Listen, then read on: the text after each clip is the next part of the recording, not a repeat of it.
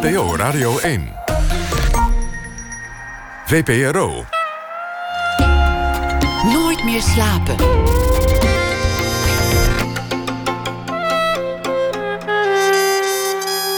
Met Pieter van der Wielen. Goedenacht en welkom bij Nooit meer slapen. De meesten hebben pech of ze hebben geluk juist, want ze vinden nooit die puberdagboeken terug. Maar er zijn er die dat uh, wel doen. Raoul de Jong bijvoorbeeld. Hij is uh, schrijver en toneelmaker en heel veel andere dingen. En hij uh, vond zijn puberdagboeken en hij maakte daarvan een terugblik op zichzelf als jongeman tobbend, dromend en vechtend. Een geestig en herkenbaar en ook wel ontroerend boek is het geworden. En hij is hier na ene. Een verhaal bij de voorbije dag van Maartje Wortel. Dat zal ze deze week elke nacht voor ons maken. En we namen een sessie op met de Gentse band Douglas Fierce. En dat hoort u ook zo meteen na ene. Te beginnen met Ellen Parren vanwege Andromache. Dat is een voorstelling naar een stuk van Racine uit de 18e eeuw.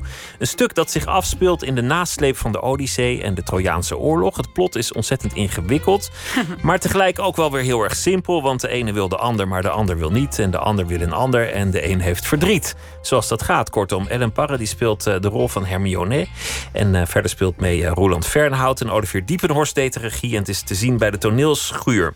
Ellen Parr is geboren in 1987. Bekend van uh, vooral grappige rollen bij Missie Aarde. Als asielzoeker in het ruimteschip. Ze speelde in uh, Billy van Theo Maassen, de film. Als verleidelijke voetbalvrouw die verliefd wordt op een buikspreekpop. En ze is te zien in vele rollen bij Circus Treurdier en ook bij Treur TV. Voorstellingen die vaak als absurd te boek staan. Maar de gedachte bekroop me eigenlijk ook wel vandaag dat misschien de werkelijkheid absurd is. En dat die makers daar zelf ook niks aan kunnen doen. Hm. Ellen Parre, hartelijk welkom. Nou, hi, dankjewel. Zullen, zullen we beginnen met het, met het moeilijke deel, namelijk die, die, die, die voorstelling? Ja. Want, want ik, ik probeerde het me een beetje te memoriseren om het, om het goed te zeggen, maar het, het lukte me ook weer niet. Ja. Achilles die keert terug van een oorlog en die heeft iemand verslagen en iemand vermoord. Maar er is ook nog een weduwe, maar die weduwe die wordt als een soort trofee uitgeleverd aan de andere partij. Ja. Maar dan is er nog een zoon die wraak wil nemen en die gaat ook weer de strijd aan. Maar die wordt weer verliefd op iemand die is uitgeleverd. Ja. Maar die liefde wordt niet beantwoord, want zij wordt weer verliefd op de neef van het eerdere personage die weer terugkeert op toneel. En die liefde die bloeit wel op, maar dat wordt natuurlijk ook weer wraak. En, en zo ging het nog, nog even door. Ja, ja, je maakt het nu wel heel ingewikkeld. Want zo ingewikkeld maken jullie het niet. Nou, het, het, kijk, de geschiedenis eromheen is, uh, die moest ik ook weer even flink uh, doorspitten en uh, bewikipediaan, zeg maar. Maar het is eigenlijk een beetje denigerend gezegd een soap. Dus uh, Andromache is inderdaad een, een, een oorlogstrofee van Pyrrhus. Uh, en um, Pyrrhus is verliefd op die Andromache. Dus eigenlijk op een, een, een, slavin die hij heeft gekregen. En, uh, maar hij is uitgehuwelijkt aan Hermione, dat ben ik. En Hermione wil Pyrrhus, maar Pyrrhus wil Andromache. En dan is er ook nog uh, Orestes, die mij wil, Hermione. En die probeert, die is ja, zie, nu maak ik het zelf ook ingewikkeld. Die is uh, vanuit Griekenland gestuurd om Pyrrhus te overtuigen dat hij met Hermione moet trouwen. Maar eigenlijk wil Orestes mij ook. Snap je het nog? Ja, en, en in mijn achterhoofd hoorde ik die, die melodie van die soapserie. Van, uh, van goede tijden, slechte tijden. Ja, dit is, het is een simpel rijtje. Even denken. Orestes wil Hermione. Hermione wil Pyrrhus. Pyrrhus wil Andromache. En Andromache wil Hector. Maar Hector die is dood. Nou, dat, als je het zo zegt, dan is het eigenlijk heel erg, uh, heel erg eenvoudig. Ja. ja. Het, het lijkt een, een afwijkende rol in jouw oeuvre, in jouw, uh, in jouw resume. Ja, er, er valt niet veel te lachen. Nee, en meestal, meestal is het bij jou wel om te lachen. Ja. Maar ja. dit, dit is eigenlijk wel waar je vandaan komt. De hele serieuze rol, het, het echte theater, het grote mensentheater. Ja, vandaan komt. Ja, ik, ik heb de toneelacademie in Maastricht gedaan natuurlijk. En daar ben ik wel opgeleid uh, op een, een, een serieuze uh, acteursopleiding. Dus ik, ik heb daar, dit stuk is geschreven in Alexandrijnen bijvoorbeeld. En dat, uh, dat heb ik daar ook wel eens gedaan. En een tragedie spelen, dat hebben we daar geleerd en gedaan. En comedy spelen ook wel, maar iets, iets minder. Dus het is, het is me niet vreemd. En ik vind het eigenlijk ook wel leuk om te doen naast al die andere dingen. Het is, het is echt uit een totaal ander vaatje. Uh, ik vind het ook heel moeilijk hoor. Of het is niet dat ik het uit mijn mouw schud. Maar um, ja, ik vind het eigenlijk ook wel interessant om even weer helemaal naar een andere hoek te gaan. En uh, ja, die worsteling ook aan te gaan.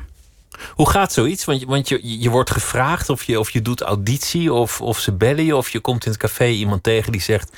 we zijn bezig met een Griekse tragedie en ik dacht aan jou. Hoe, hoe werkt Ik dat? zag je staan Ik zag je staan. en ik denk, die vrouw. Ehm, Olivier Diepenhorst, eh, daar heb ik al eerder mee samengewerkt. Die eh, heeft de regieopleiding gedaan in eh, Amsterdam. En ehm, met hem heb ik al eerder een Racine gedaan. Berenice heette dat stuk. En dat was ook eh, behoorlijk eh, ouderwets, om het maar zo te zeggen. De taal in geval. En hij heeft een, eh, een grote liefde voor Racine. Hij, hij, hij wil graag dat die stukken weer tot leven gebracht worden. Hij vindt de taal ook erg mooi. En dat vind ik persoonlijk ook heel inspirerend. Dat hij dat vindt en wil. En ehm, dus wij hebben vijf jaar geleden al Berenice tot leven gebracht. En eh, hij vroeg mij nu voor een eh, tweede keer om een Racine te doen. En daar had ik dus wel zin in. Het kwam voor jou op een leuk moment dat je dacht... ik, ik moet even ontsnappen aan, aan, aan die weg die, ja, die, die zich nu voor mij lijkt eh, te openbaren... van elke keer komische rollen. Eh, nou ja, het was niet een bewuste keuze. Ja, ik vind het gewoon leuk om te doen daarnaast. En ik, ik zie mezelf niet als, als comedy-actrice, comedienne, per se. Dat kan ik me voorstellen, Ja. omdat dat die komische rollen van jou... die, die, zijn komisch voor het publiek... maar Mhm. in, in hoe jij ze speelt... Zitten, zitten eigenlijk alle aspecten van gewoon theater... van gewoon acteren erin. Ja. Jouw personages zijn net zo complex. Alleen toevallig is het een, een grappig stuk. Nou ja, en ze zijn ook vaak heel tragisch. Dus kijk, ik heb ook helemaal geen ambitie om grappen te maken per se. Ik, ik, vind, ik, ik vind het leuk om, om personages die wat uitvergroot zijn... of onhandig of eh, eh, treurig of... eh, nou ja, in de Billy, die telefilm waar je het net over had... is het weliswaar een voetbalvrouw... maar eigenlijk ook een, een meisje waar die net niet alles helemaal meekrijgt. Of nou ja, er moet een edge aan zitten, om het zo maar te zeggen. Dus het, ik heb nooit de ambitie gehad om eh, cabaret te doen... of eh, eh, comedy in de klassieke vorm. Dus comedienne is niet een, een label waar jij van zou houden... als mensen dat op je zouden plakken. Mm, nou, ik vind het ook niet vervelend, maar ik denk niet dat het het samen. Het is niet iets wat ik nastreef. Die film Billy, laten we het daarover hebben. Gemaakt door Theo Maassen. Ja. Dat, dat was eigenlijk wel een van de, de leukste Nederlandse films... in de laatste 150 jaar gemaakt. Of zo, wat mij betreft. Heb je hem gezien? Ja. Wat leuk. En, en ik, ik vond hij die... komt nog op tv, 26 maart. Oh, dan, dan zal ik niet te veel spoilen. Maar het gaat over een man die, die heel ongemakkelijk in het leven staat. Maar die een buikspreekpop heeft die alles zegt wat hij dan eigenlijk zelf niet durft te zeggen. Ja. En, en je moet zoiets niet helemaal dood analyseren, maar die neiging heb ik soms. Daarmee zegt het ook iets over Theo Maassen zelf. Die natuurlijk, in, die natuurlijk ook grof gebekt op het podium kan zijn. En daarbuiten misschien ook niet altijd. Het zegt iets over zijn beroep, het zegt iets over onze tijd. En het is tegelijk ook gewoon een komisch liefdesverhaal. ja, nou mooi dat je het zo ziet. Ik vind het ook over zelfhaat gaan, maar misschien vul ik het dan ook weer iets te donker in. Dus de eerste keer dat nou, ik. dat hem- zie ik ook wel, ja. Ja, de eerste keer dat ik een, een viewing zag, dus op een gegeven moment zie je zo de eerste versie ervan. En toen vond ik het dus zoveel pijnlijker dan ik dacht dat het zou zijn. Want ja, het is ook de stem in je hoofd ergens die commentaar geeft op. Nou ja, ik ben nu dit radio-interview aan het doen en ergens voel ik ook een stemmetje die ook analyseert hoe ik de vragen wel of niet goed beantwoord. En dat is eh, ja, tot leven gebracht, of dat idee is verder uitgewerkt. En De innerlijke dialoog. de innerlijke dialoog en inderdaad wat je zegt, de pose van de artiest op het toneel en ook het publiek die. Eh, dus die Billy is heel grof, veel te grof. eh, maakt eh, hele grove grappen en mensen smullen ervan. Dus de man die de pop bedient, wil eigenlijk een integere singer-songwriter worden. Maar mensen willen alleen maar de grofheid van die pop. En ja, hij zit daar helemaal in vast. Want mensen willen eigenlijk niet wat hij zelf wil, maar willen dat hij zich maar blijft overschreeuwen. En de vrouw wordt verliefd op de pop, maar hij is verliefd op de vrouw en wil het liefst van de pop af. Maar de pop wil eigenlijk ook dat hij zich niet ermee bemoeit. Ja. De pop gaat een eigen leven leiden. Ja, ja, ik heb een relatie met de pop, niet met de man. Heel geestig gegeven natuurlijk. Ja. Er, zit, er zit ook een, een aspect in zijn populariteit dat ik mooi vond, omdat hij door zijn grof gebektheid zo populair wordt. En dat is iets dat ik ook wel meen te herkennen in bijvoorbeeld de politiek. Hmm. Donald Trump die de verkiezingen wint omdat hij tenminste gewoon zegt wat hij op zijn lever heeft. Ja, Dat het tenminste niet een van de hypocrieten is. ja. ja, dat vinden mensen misschien ook indrukwekkend, hè? Hij zegt het wel maar mooi. Ja, niet te nu genuanceerd zijn. Gewoon hoppakee, recht voor zijn raap. Eindelijk even zeggen waar het voor op staat. Ja, Dat geloof ik wel, ja.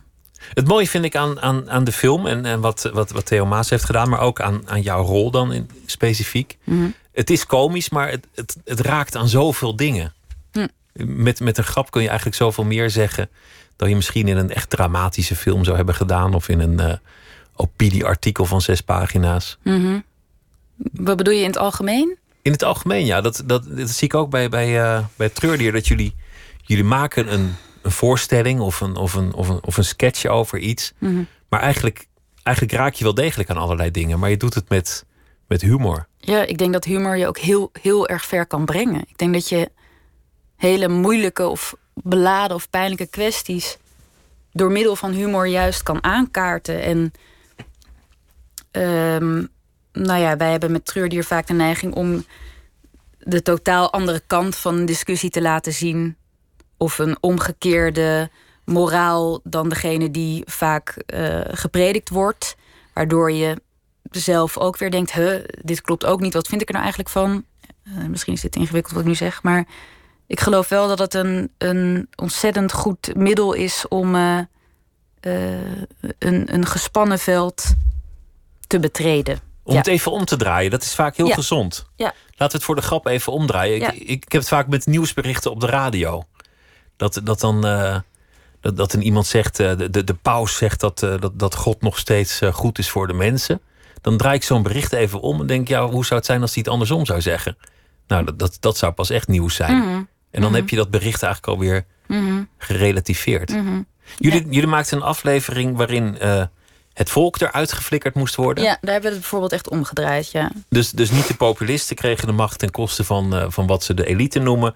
Maar de elite die nam de macht terug op exact dezelfde manier. En zei, nu moet het volk maar eens opdonderen. Ja, ja, en dat gaat natuurlijk ook over überhaupt mensen in hokjes als elite en het volk plaatsen. Waar je volgens mij ook al je vraagtekens bij kan zetten. Of dat wel echt bestaat. Ja, in sommige gevallen wel, sommige niet. Eh, ja, wat is dat dan precies? En, maar wij geven daarmee ook niet eh, de conclusie: zo zou het wel beter zijn. Het is. Het is niet prekend. Nee, nee, we gaan wel helemaal. We we werken het idee ten volste uit. Met gruwelijke gevolgen. Want nou ja, de, de 80% van de wereld eh, moest het land uit, zeg maar. Of ja, wat is het volk? Wie blijft er dan over? Is dat dan wel goed? Maar het zet je wel tot denken. En ja, het, het schudt de boel eh, op, denk ik. Dat dat een kracht ervan is. Eh, Jullie maakten vorig jaar een, een voorstelling die eigenlijk ook ging over alle ellende in de wereld en de machteloosheid ja. die je voelt. Dat is dan zo'n voorstelling waarin, waarin heel veel verschillende dingen gebeuren. Die, die schijnbaar op het eerste gezicht niet zoveel met elkaar te maken hebben. En uiteindelijk ja, komt er toch een soort moraal of een soort beschouwing naar boven. Zonder dat die er heel dik bovenop ligt. Maar ik meende wel te zien dat, dat het er wel vandaan kwam dat jullie op, op een bepaalde manier druk maakten. Over de tijd en de, de Ja. wereld en de actualiteit. Ja, de, de- dat was de voorstelling Night of the Problems. Daar hebben we wel ehm, voor onszelf bijvoorbeeld de. Want wij zijn meestal ook wel, wat ik net zei. We, we zeggen niet helemaal wat wij. We willen niet preek, preken. En eh, toen we deze voorstelling gingen maken, een beetje met het uitgangspunt. We maken ons zorgen over. Eh, nou ja, het was een turbulente tijd, of is een turbulente tijd. Daar wilden wij iets over maken. En we vonden dat we er niet eh, onszelf van af mochten laten komen door daar geen stelling in te nemen. En we, we wilden een voorstelling maken over de algehele wereldproblematiek. Dus we begonnen ook, nou ja, het ging van het ene probleem naar het andere. Maar we kwamen toch de tijd uit bij eh, het klimaat en de ondergang van de aardbol in de letterlijke zin. Eh, waar alle problemen in het niet vallen als die niet meer zou bestaan. En daar begonnen wij ons toen serieus druk over te maken. Dus die voorstelling is geëindigd met een toekomstvoorspelling van een Cassandra-figuur. Die eh, een, een wereld schetste, eigenlijk de, de grote eh, ondergang van de aarde. Iemand die voorspellende gaven heeft, maar niet, ge- niet, niet beluisterd wordt. Niet, ja, niet gehoord wordt. En letterlijk wordt zij vermoord op het podium door een, een jonge, opportunistische jongen. Die eh, denkt: eh, Ik heb geen zin om naar jou te luisteren, ik, eh, ik trek mijn eigen plan. Dus daar zat redelijk, ja, daar, daar, daar zit een, een persoonlijke angst onder, ja. Maar ja, net als in het volk het land uit zit natuurlijk ook wel wij maken ons daar ook druk over. Maar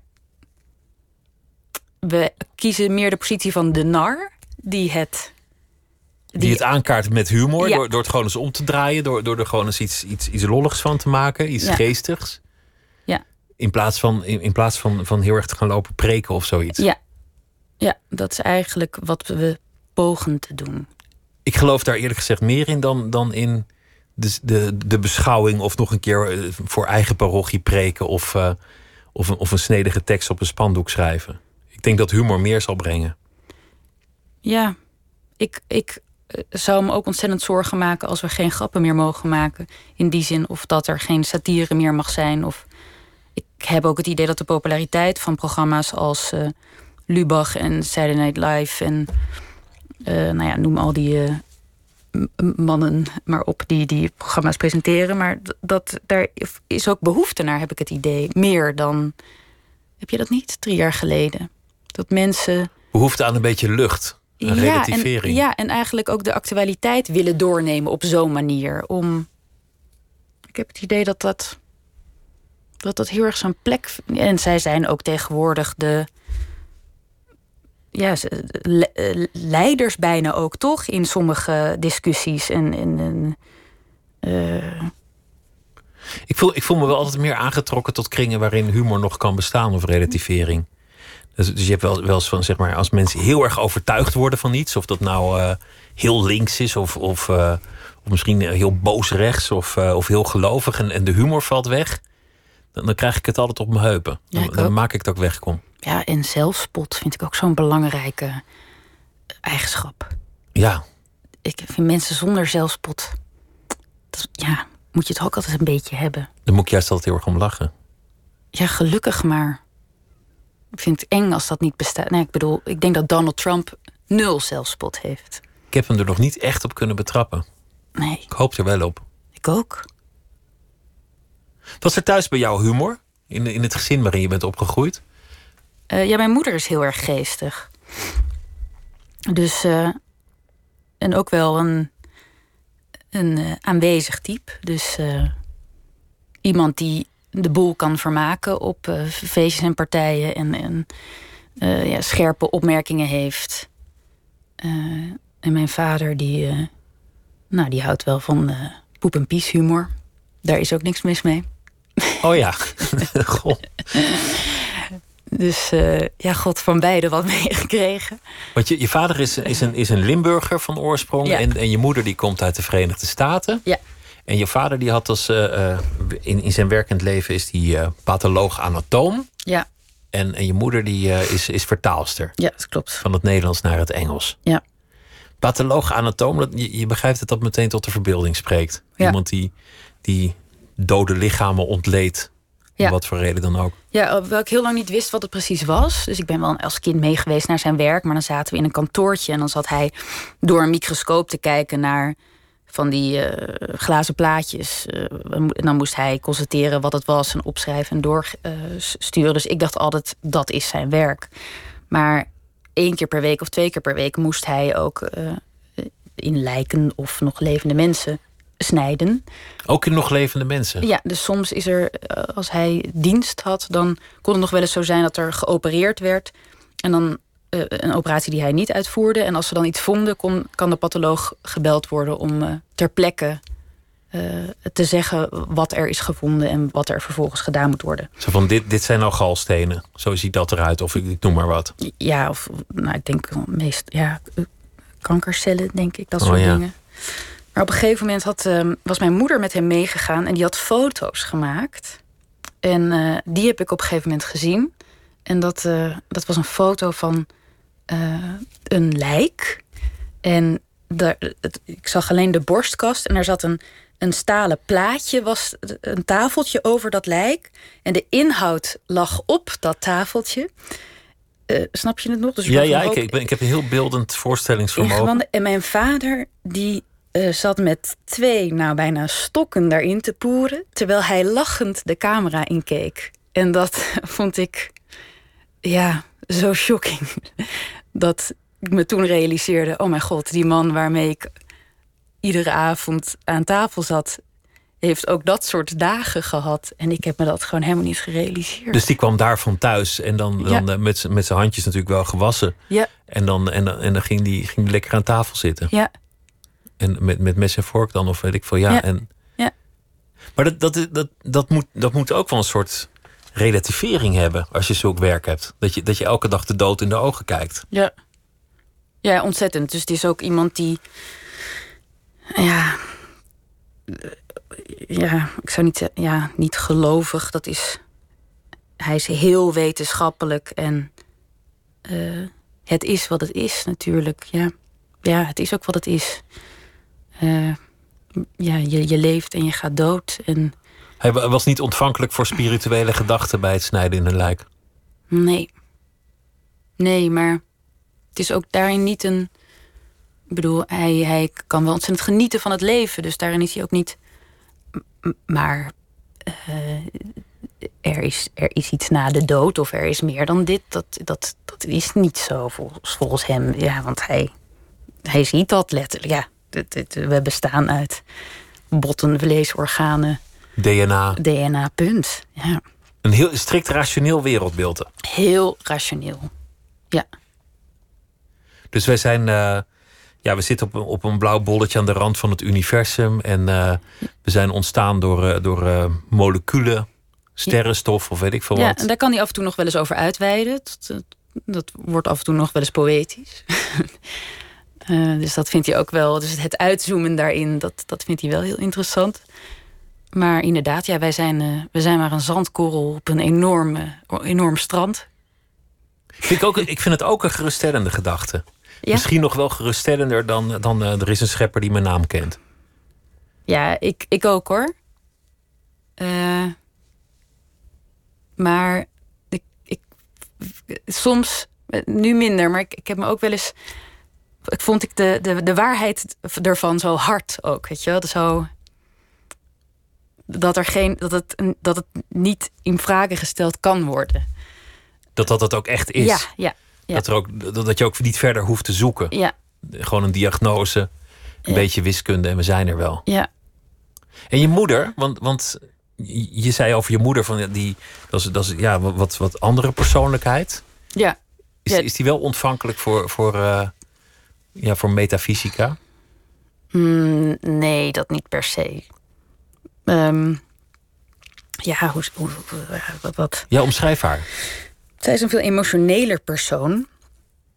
Mm, Heel taalgevoelig en een heel avontuurlijk iemand. Dus eh, iemand die eh, op een gegeven moment besloot: ik wil naar Europa, ik wil weg uit Amerika. En daar ook heel romantisch beeld van had. En in Spanje heeft gewoond. En door Griekenland reisde toen daar nog eh, niemand Engels sprak. En eh, heel erg weg wilde van dat Amerika ook. Ehm, en eh, ja, dus heel, heel. Ik vind dat altijd wel bijzonder dat je. Ik kan me dat bijna niet voorstellen dat je. Dat je zo graag naar de andere kant van de wereld wil, wat het toch ook echt was. Dat het toen. gras ergens groener is. Ja, en, eh, want zij is, zij is ge- opgegroeid en geboren in een echt een middelklas eh, eh, family in, in- aan de oostkust van Amerika. En ja, daar wilde ze echt weg. Dat, dat, dus eerst naar een universiteit en toen ook nog een tijdje bij San Francisco in de buurt gewoond. En dat steeds verder en dan maar naar dat Europa. Waar, eh, waar ze denk ik ook romantische voorstellen van had. En ehm, ja, daar ook eh, nooit spijt van heeft gehad hoor. Dus in die zin is het ook niet iemand die zij. Ik bedoel, wij hebben wel een paar Amerikaanse gebruiken thuis, maar het is niet iemand die dat. Cultiveert of in stand Nee. houdt of zoiets. Nee. Op wie lijk jij het meest van de twee? Of, of kun je dat niet zeggen? eh, ik, ik denk een combinatie. Dus ik, ik. Ik heb totaal. Ja, ik ben veel te labiel om eh, echt op mijn vader te lijken, zeg maar. Dus dat. Dat hele. Ja, ik ben daar. Ik ben veel te emotioneel persoon. Maar. eh, ik, ik, heb de, het echt het flamboyante van mijn moeder. Al sta ik op het toneel, wat, waarvan je ook kan denken, je wil in de spotlight staan, maar ik vind haar wel flamboyanter dan dat ik ben. Dus Je zou, be- je zou zeggen dat een actrice per definitie een soort flamboyantie heeft. Van, vanwege dat podium. Ja, ik denk dat is een beetje een misvatting. Hmm. Er is na, ja, het gaat namelijk niet over kijk naar mij. Het gaat kijk naar mijn personage. Kijk juist niet naar mij. Ja. Ik ben iemand anders. Ja, ik vind het veel enger om een eh, interview over mij te houden dan eh, een rolletje te spelen. Je, je, ja, het zijn allemaal clichés, maar je, je, je, je verschuilt je achter iets. Eh, en het gaat over het verhaal wat je wil vertellen. Dus, nou god, en natuurlijk zit er eh, een mate in van dat je het niet erg vindt om op dat podium te staan en dat er letterlijk mensen naar je kijken. Maar het, het is niet hetzelfde als een vlogger, bijvoorbeeld, wat ik volgens mij. Iemand die selfies neemt om, om echt zichzelf te laten zien. Ja, en zichzelf als doel en zichzelf cultiveert daarin. Dat, dat, dat is het niet. Was het een heel beredeneerde keuze om, om dit vak te, te kiezen toen je naar de toneelschool ging? Wist je eigenlijk wat je wilde en waarom je dat wilde en, en wat het zou worden? Nee. Nee, ik, ja, ik, ik, ik, ik, god, ik zat in de middelbare school in zo'n toneelclubje, wat ik dan leuk vond en goed kon. Eh, ik, ik wist totaal niet wat ik moest doen als ik dit niet ging doen. En ik heb toen geauditeerd en dat werd aangenomen op twee scholen. En dat was ook een beetje zo van, nou, als je wordt aangenomen, ben je gek als je het afwijst. En ehm, en dat eerste jaar, ook omdat ik de keuze niet echt had gemaakt, vond ik ook heel lastig. Ik heb in Maastricht dus op school gezeten en ik voelde me ver weg van huis en ik aarde niet. En pas in mijn tweede jaar snapte ik wat ik aan het doen was. Of, ja, Wat acteren was en waarom jij dat zou kunnen? Ja, of dat dat een. Nou ja, ko- koos ik ervoor om het in ieder geval te gaan proberen. En, eh, en nou, eigenlijk waar we het net over hadden, dat zo'n school is natuurlijk maar het beginpunt van nog heel veel wat je daarna kunt doen. Dus het feit dat ik eh, heel graag schrijf ook nog eh, voor Circus Treurdier met Treur TV. En daarnaast dus nu een project kan doen als Andromeda. Dat, dat vind ik heel erg tof. En dat, maar dat had ik op die school nog niet Nog niet door. door dat dat, dat dat tot de mogelijkheden eh, behoort. En dat is ook iets wat je na die school eigenlijk pas allemaal kan onderzoeken. En Het lijkt me zo intimiderend als je, als je ergens goed in bent of denkt te zijn en je komt ergens waar allemaal mensen zitten die, die, die niet voor niks er doorheen zijn gekomen, die zijn toegelaten ja, en die allemaal goed zijn. ja, En misschien sommigen nog wel zelfverzekerder dan jij, of, of misschien spelen die zelfs al, of die, die zijn van huis uit al op, op die plank geborstvoed. Ja. Dus die, die, eh, die weten al precies wat het is. ja. Lijkt me heel eng, heel spannend. ja, vond ik ook wel intimiderend hoor. En ook vooral de mensen die echt zeker weten, nou dit is het en echt niks anders.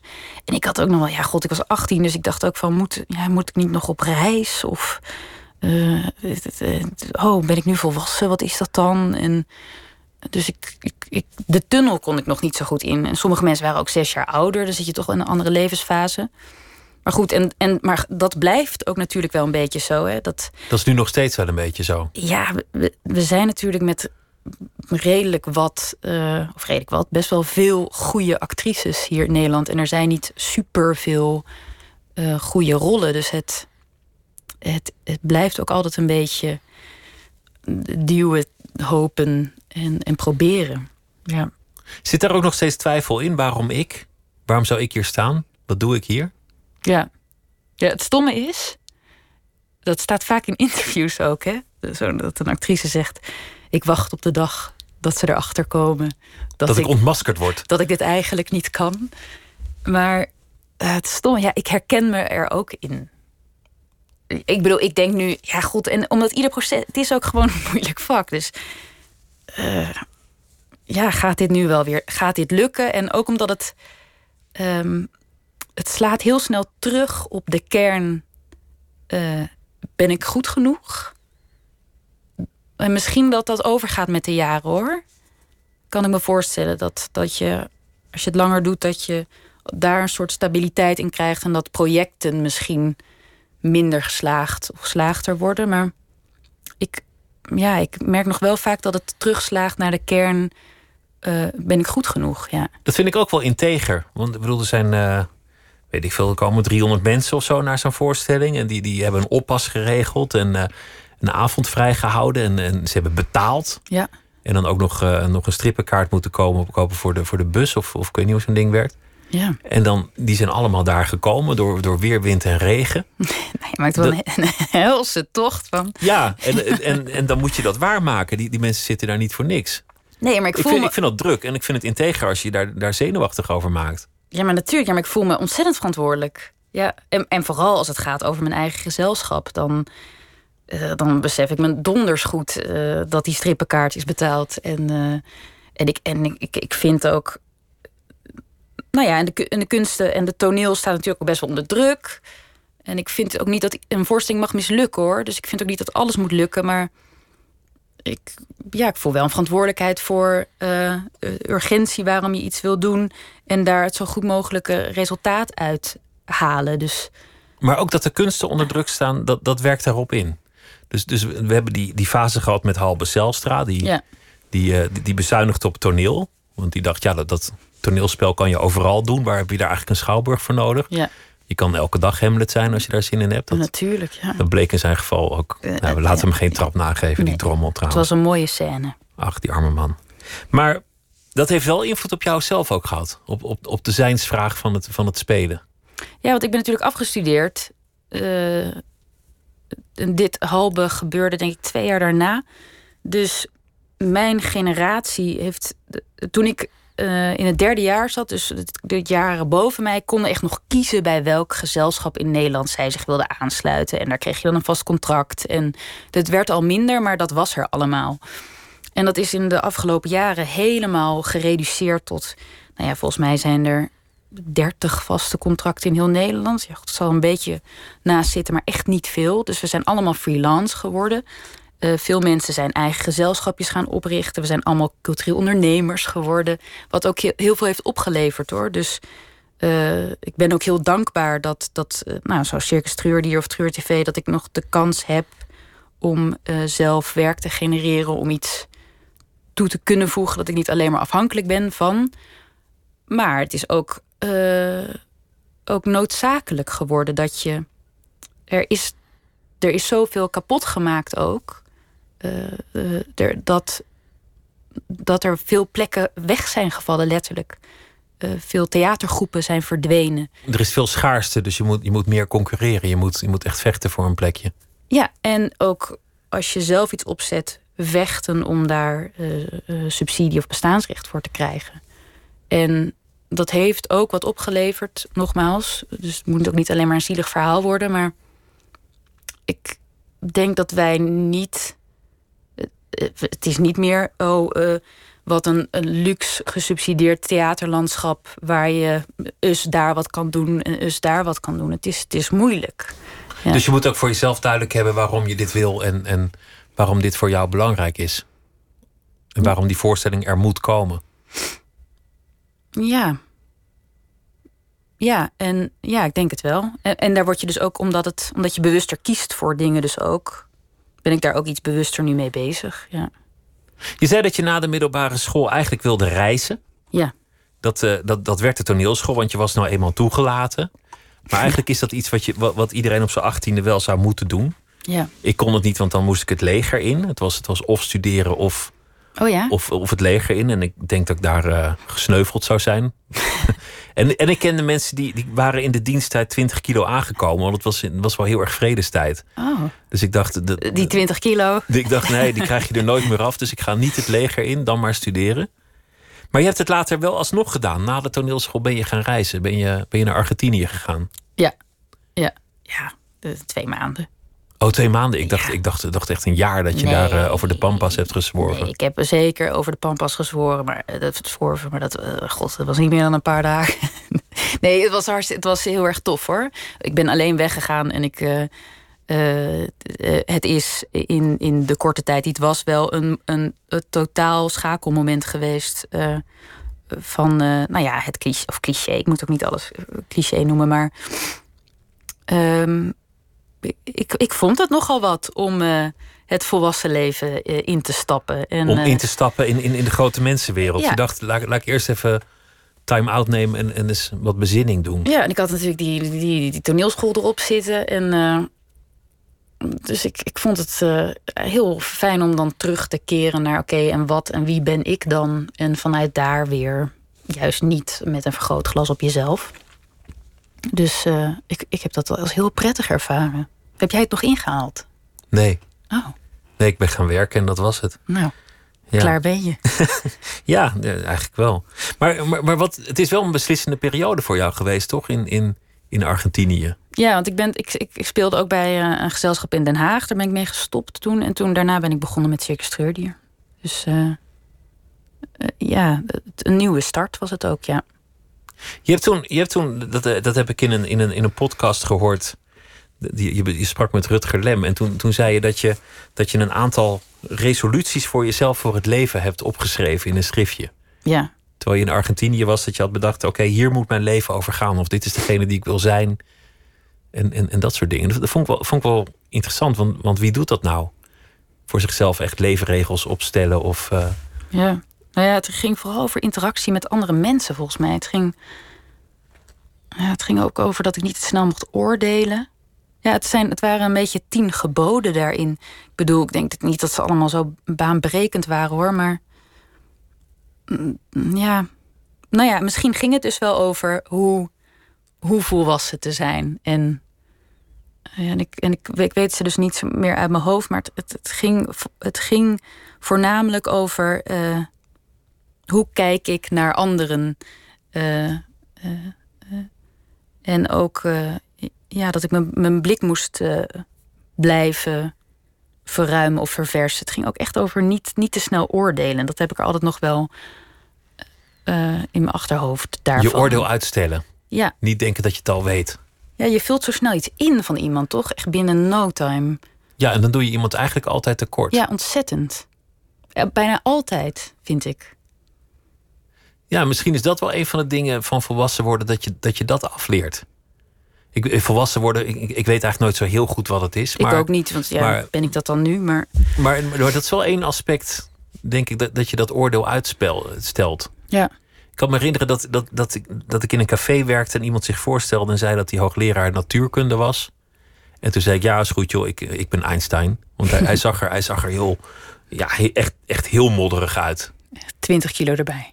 Nee, maar gewoon ook, ook, ook slecht gekleed in een, in een soort joggingpak met een, met een gouden ketting en een armband. En hij zei: Ik ben hoogleraar natuurkunde. En ik, ik dacht: Ja, het is goed. Het is ook zo'n café, weet je wel. Iedereen lult uit zijn nek.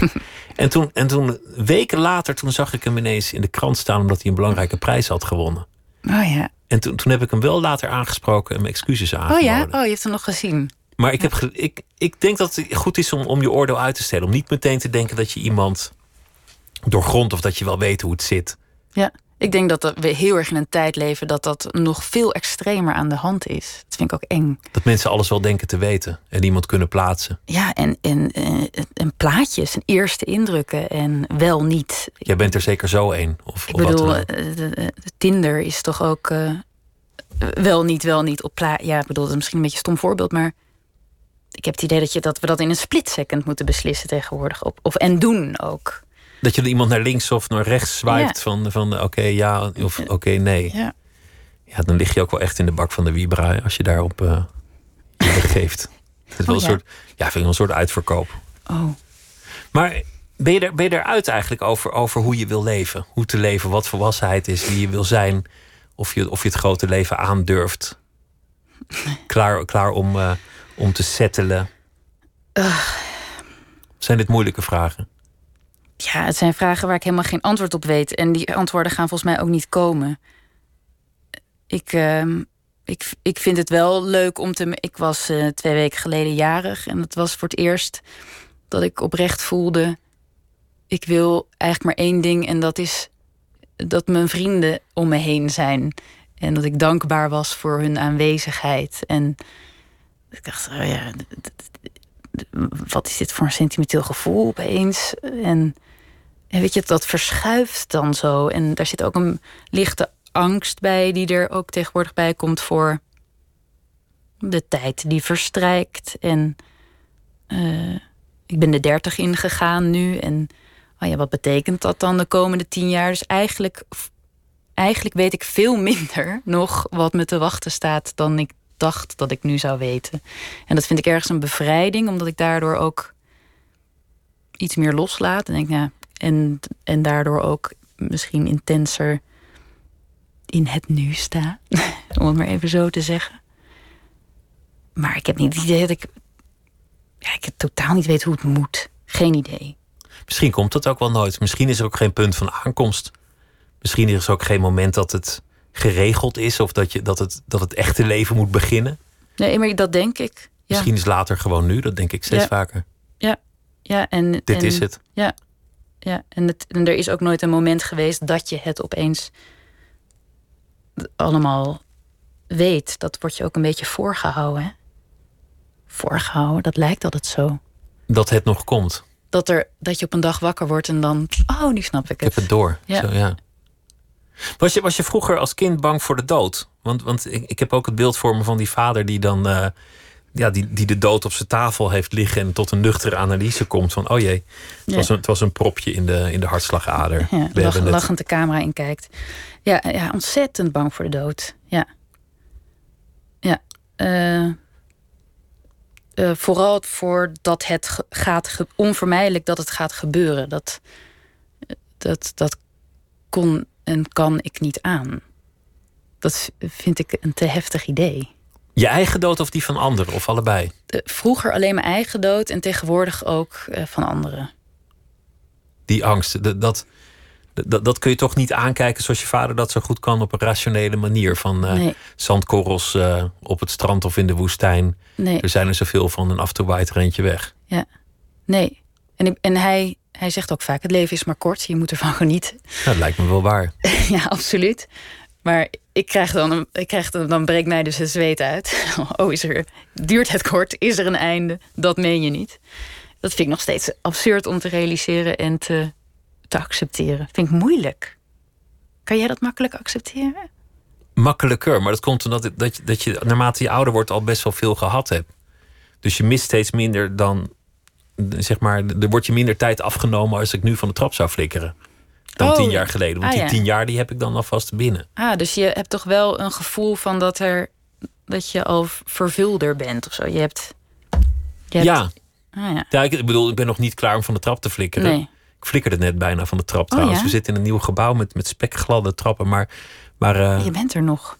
ja, vorige week ging ik op vakantie. Ik was op vakantie en toen zat ik in een helikopter boven de Grand Canyon. Oh. En er was er die week ook een neergestort. Ah. Want er, er, er, er waaide wind. En toen kwam er een windhoos.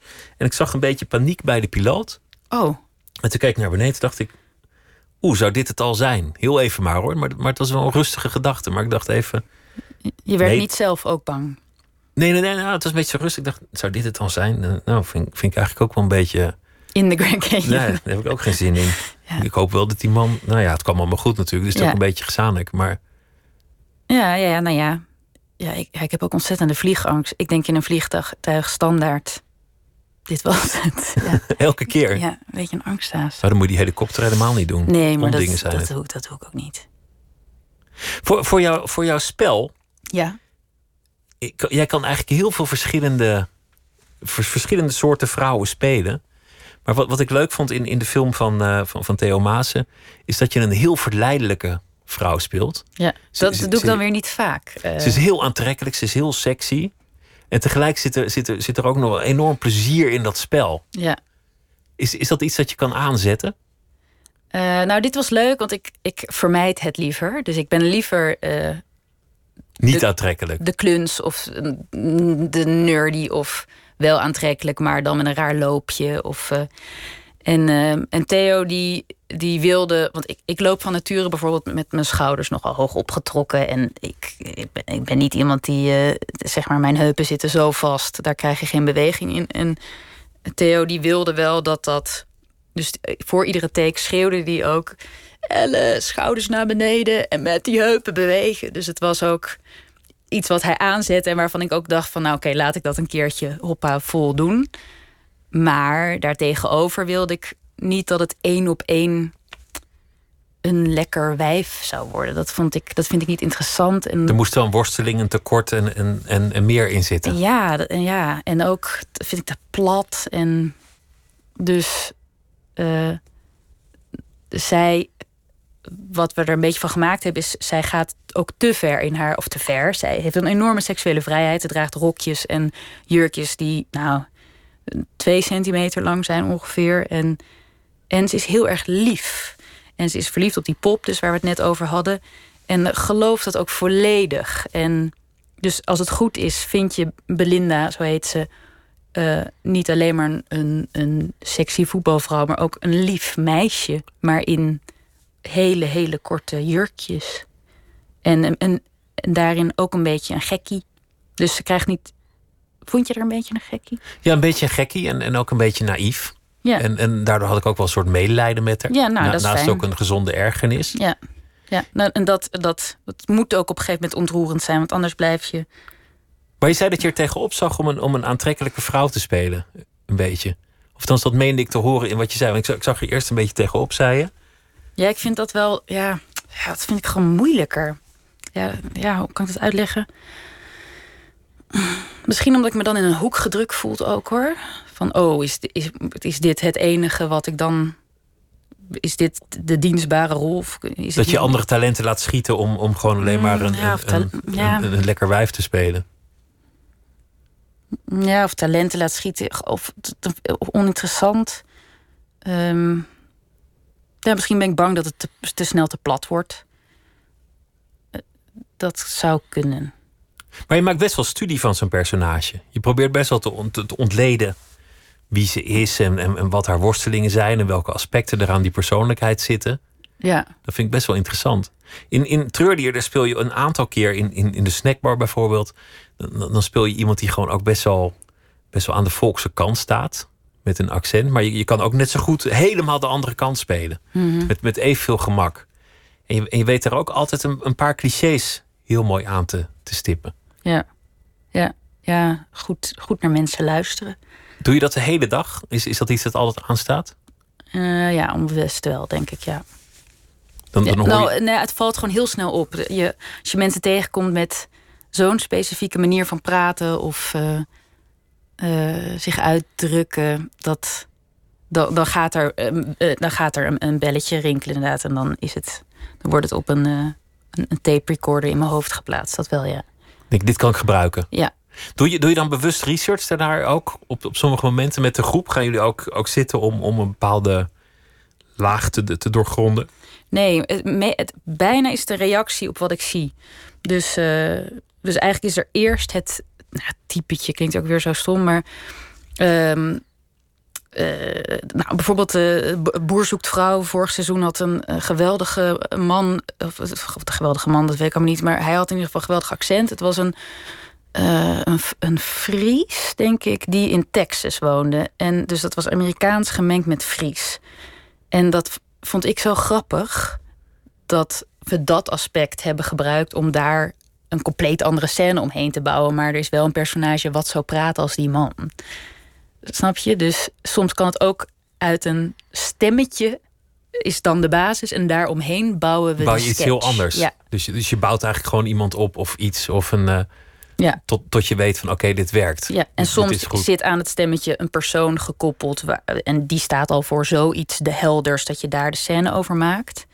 Maar meestal zijn dingen die we hebben gezien waarvan we denken: oh, dit moeten we gebruiken. In plaats van we willen hier iets over doen en nu gaan we kijken wat we daarover vinden. Wat ik in de inleiding al zei, is, is, dat, is dat ik vaak bij, bij jullie sketches denk van ja, maar jullie zijn eigenlijk niet zo absurd. Het is de werkelijkheid die raar is. J- Ja. Jullie houden alleen een spiegel voor, of jullie draaien het even om, of jullie, jullie vergroten het een heel klein beetje uit. Ja. Maar de werkelijkheid is absurd. Ja, nee, en dat is ook zo vaak zo hoor. Dus we hebben bijvoorbeeld het personage Frederik Kaak. Dat is een televisiehost. Televisiehost die, die, eh, die, die voor de commercie is gezwicht met alle bonussen van dien. Ja, en het is echt eh, een enorme, enorme opportunistische flapdrol. Echt een eh, vreselijke eikel van een man. En die, hij buit mensen uit en denkt alleen maar aan zijn eigen succes. En hij komt met de meest walgelijke tv-formats. Kortom, een tv-presentator. Nou ja, en wat ik dan soms zie, is, eh, zijn dingen die wij misschien in een brainstorm hebben bedacht, maar waarvan we denken, oh, dat is. Nou, of nee, het, of, we hebben ze niet eens bedacht. Het is dan nog veel gekker. De werkelijkheid is ook eh, ja, gekker. Gekker dan je kunt bedenken. Ja, eigenlijk wel. Dat, dat valt mij ook op. Ja. Wat vaak, wat vaak misgaat in, in films of toneel is, is, is de werkelijkheid mooi maken. Mensen die in een gesprek elkaar uit laten praten of naar elkaar luisteren. Of conversaties die heel soepel verlopen. En ik merk dat ik heel erg aangetrokken ben tot, tot toneel of, of films waarin dat heel rommelig verloopt. Waarin mensen met elkaar praten en elkaar helemaal niet horen. Gewoon langs elkaar heen zitten te, te, te, lullen. En waarom dan? Omdat het zo is. Dat, dat maakt het dan veel waarachtiger voor mij. Ja, ja. Als dat gebeurt. En dat, dat, dat absurdisme, dat zie ik bij jullie ook vaak terug. Dat Ja. absurdisme wat gewoon echt is. Zo praten mensen. Ja. Ja, daarom is het ook raar soms om het abs- absurdisme te noemen bij ons. Zo absurd is het. Eigenlijk helemaal niet. Nee. Nee. Nee, maar ik snap wel wat je bedoelt. Dat hoekige of die omkeringen, dat is, dat, dat, en dat is vaak ook geestig. Toch? Dat Mensen zichzelf ook compleet eh, ja, tegenspreken of eh, opportunistisch omlullen. Dat, dat, dat vind ik ook altijd heel erg leuk, ja. Wie, zijn de mensen naar wie jij zelf kijkt? Wie, wie zijn de voorbeelden? De, om wie je zelf moet lachen of die je jij interessant vindt? Eh, nou, ik heb eh laatst eh, erg veel ehm, afleveringen van eh, North Folk Radio, hoe heet die man nou? Oh, dat is een radio. Alan Partridge, zo heet het personage. Of heet hij zelf zo? Sorry, wat erg. En dat is een radioprogramma. En eigenlijk zoals wij nu zitten. En dan met een paar eh, eh, webcams eh, gefilmd. En die man is ook een verschrikkelijke klootzak. Opportunistisch en maakt vreselijke grappen. En ja, daar moet ik zo om lachen. Dat vind ik ontzettend leuk. Maar ja, ook weer dus de... Ik moet vaak, net als Ricky Gervais bijvoorbeeld... dat gaat ook over opportunistische losers ergens. En ehm, eh, ik zag laatst eh, Hugh Grant bij Graham Norton op de bank zitten. En dat is ook iemand met zo ontzettend veel zelfspot. En die, ja, die neemt zijn eigen carrière volledig op de hak. Eh, En met een geweldig eh, Brits gevoel voor humor natuurlijk, wat ja, ongeëvenaard is meestal.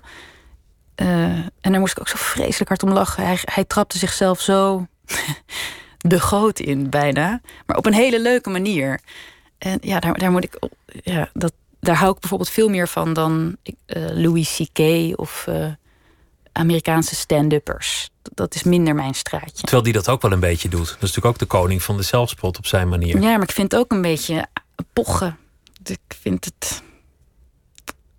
Ja, ik vind het niet sympathiek genoeg. Of, Ja, dat sympathieke, dat is, dat is ook inmiddels een beetje in twijfel getrokken, geloof ik. ja, Of die dat nou wel was Ja. of niet. Wat ook weer jammer is natuurlijk als iemand goed is. Dat- ja, dat, ja, je dan die film, dat vind ik ook met Woody Allen, dat je dan die film ineens niet meer mag zien. ja, ja, ik ook die films nog eh, steeds leuk vind. Ja, Ja, laatste seizoen House of Cards wordt ons nu ook de, de neus doorgeboord. dan moet, natuurlijk. moet iedereen moet helemaal. eh, straks mag je niet meer naar Caravaggio kijken, omdat hij ook destijds mensen vermoordde. Ja, ja, nee, het is, het is, eh, het is verschrikkelijke ellende. We, we hadden het nog, we hadden het, toch- toen werd het een beetje somber. Dacht, nou, we gaan eens verder. Maar we hadden het over de dood. En zei die angst en die, die, dat die tijd opraakte. En dat, dat onrecht. Dat, dat, het, dat het moet eindigen op een zeker ogenblik. En dat je daar als kind mee bezig was. En nu eigenlijk nog steeds zo. Met het verstrijken van de tijd. Dat, dat je angst inboezemt of tegenstaat of dat soort dingen. We- weet je wel wat je, zou willen van uit dat bestaan?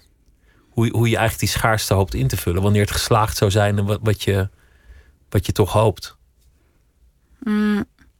Nou ja, dat, dat is ook tweeledig. Aan de ene kant voel ik heel duidelijk dat ik. eh, ik haal heel veel voldoening uit eh, mooie dingen maken. Ik, ik vind treur-tv maken, daar haal, haal ik oprecht levensvoldoening uit. Jullie gaan ook een nieuwe serie maken. hè? Er ja, we zijn er eh, het tweede een, eh, seizoen aan het schrijven. Ja. Ja. Ehm, en ik haal ook voldoening uit eh, als mensen naar eh Andromeda nu komen kijken en daar een hele mooie avond van hebben. Dus ik, ik geniet van mijn werk. En tegelijkertijd denk ik, ja, soms ben ik zo hard aan het werk, denk ik, oh ja, is, waar gaat dit? Is, is dit voor een uiteindelijk doel of gaat het alleen maar hierover? Is niet juist de waarde van het leven alles wat daarnaast is? Het feit dat ik aandacht heb voor de lieve mensen om mij heen. En heb ik daar dan wel genoeg aandacht voor? Of gaat het over dat ik juist nog meer moet zien? Eh, Of ligt het niet zo ver? Dat, dat weet ik dus gewoon niet zo goed. Maar ja, goed, misschien. Wie weet het wel. Wie weet het wel. Je zult het ook gewoon verkeerd doen. Dat, dat is misschien de meest geruststellende gedachte. Dat, dat er ook wel momenten zullen komen dat je denkt: ja, dit, dit heb ik nou eens echt even lekker verkloot. Absoluut, tuurlijk, ja. Nee, en, en uh, ja, gek genoeg zijn er momenten waarop ik me het gelukkigst voel niet zo ingewikkeld, volgens mij. Dat geluk eigenlijk eenvoudig is, bedoel je? Ja. Dat, dat niet alles hoeft te kloppen om, om, een, om een geluksgevoel te ervaren. Nee, en ook vooral als je verwacht, verwachtingen juist niet zo hoog zijn, kan het je juist verrassen wat je dan, tenminste dat heb ik, dat, dat een avond of een dag me opeens kan overvallen door de simpelheid en daardoor hoe, hoe fijn die dan verloopt, bijvoorbeeld. Ja. Ik denk dat als je zit af te vragen: ben ik nu gelukkig of is dit geluk? Of leidt het tot geluk dat, dat het geluk alweer bijna in de weg staat? Ja. Dat op het moment dat je, dat je het niet verwacht, dan, dan, dan is het er. Ja, dat denk ik wel, ja. En het laat zich niet forceren. Ja. Wat, je bent aan het schrijven met een nieuwe reeks van, uh, van, van Treurdier. En, en je gaat natuurlijk die voorstelling doen. Androgame. Ik, ik moet het ook nog goed. Andromage. Andromage. Ik moet het ook nog goed uitspreken. Een, uh, wordt een interessante voorstelling. Ja. Volgens mij. Ik heb niks kunnen zien, want jullie waren. We zijn waren, in elkaar aan het. Uh, jullie zijn net monteren. begonnen met het, uh, met het monteren ervan. Ja, ja, zaterdag eerste voorstelling.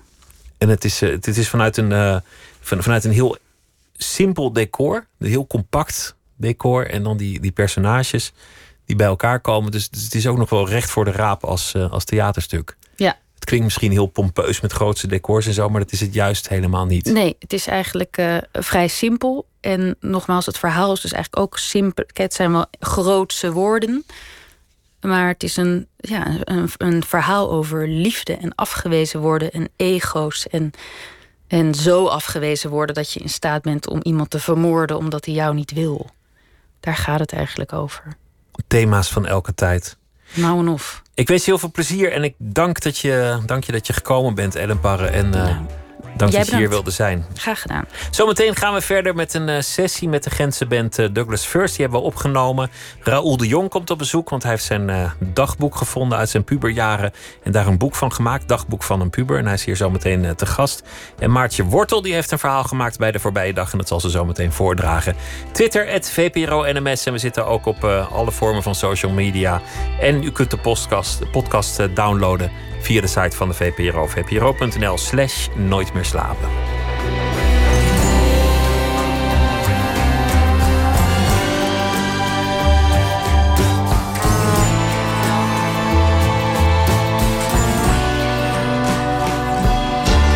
Op Radio 1, het nieuws van alle kanten. 1 uur, Lot Lewin met het NOS Journaal. In Buenos Aires is Reinaldo Bignone overleden, de laatste dictator van Argentinië. Hij, hij stierf op 90-jarige leeftijd in een militair ziekenhuis... waar hij een levenslange straf uitzat vanwege onder meer schendingen van mensenrechten. Bignone was in 1982 en 1983 de laatste leider van het beruchte militaire regime.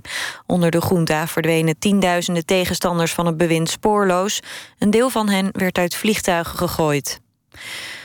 De schoolschutter uit Florida, Nicholas Cruz, is formeel aangeklaagd voor 17-voudige moord. Hij kan de doodstraf krijgen. De 19-jarige Cruz schoot vorige maand met een semi-automatisch wapen 17 mensen dood in en bij een middelbare school in Florida. Meer dan 10 anderen raakten gewond. Zijn advocaat zegt dat hij schuld bekent als hij niet de doodstraf krijgt. Als de openbaar aanklager daarmee akkoord gaat, zou dat betekenen dat hij waarschijnlijk levenslang krijgt. Acteur Ben Hulsman is overleden. Hulsman werd bij het grote publiek bekend als opa Willem Bol in de serie Oppassen. Hij was tussen 1990 en 2003 in meer dan 300 afleveringen te zien. Sinds begin jaren 60 acteerde Hulsman. Hij was onder meer te zien in series als Het schaap met de vijf poten, Zwiebertje, Zeggens A en Baantje. Ben Hulsman was 86 jaar. In de Champions League heeft Juventus zich geplaatst voor de kwartfinales. De Italianen, die vorig jaar de finales haalden... wonnen in Engeland met 2-1 van Tottenham Hotspur. En dat was genoeg na de 2-2 van vorige maand. En ook Manchester City plaatste zich voor de laatste acht. De Britten verloren thuis met 2-1 van Basel... maar hadden vorige keer in Zwitserland met 4-0 gewonnen. Het weer dan nog. Vannacht klaart het op en koelt het af tot rond het vriespunt. In het noorden lokaal kans op mist. Morgen meer wind en regen, af en toe zon en een graad of acht. Dit was het NOS Journaal. NPO Radio 1. VPRO. Nooit meer slapen.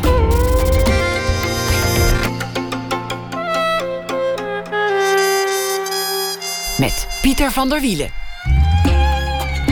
Maartje Wortel is deze week onze vaste schrijver. Ze heeft meerdere boeken geschreven. Dit is jouw huis. En ook nog uh, verhalenbundels, half mens. En ze schreef ook IJstijd en er moet iets gebeuren.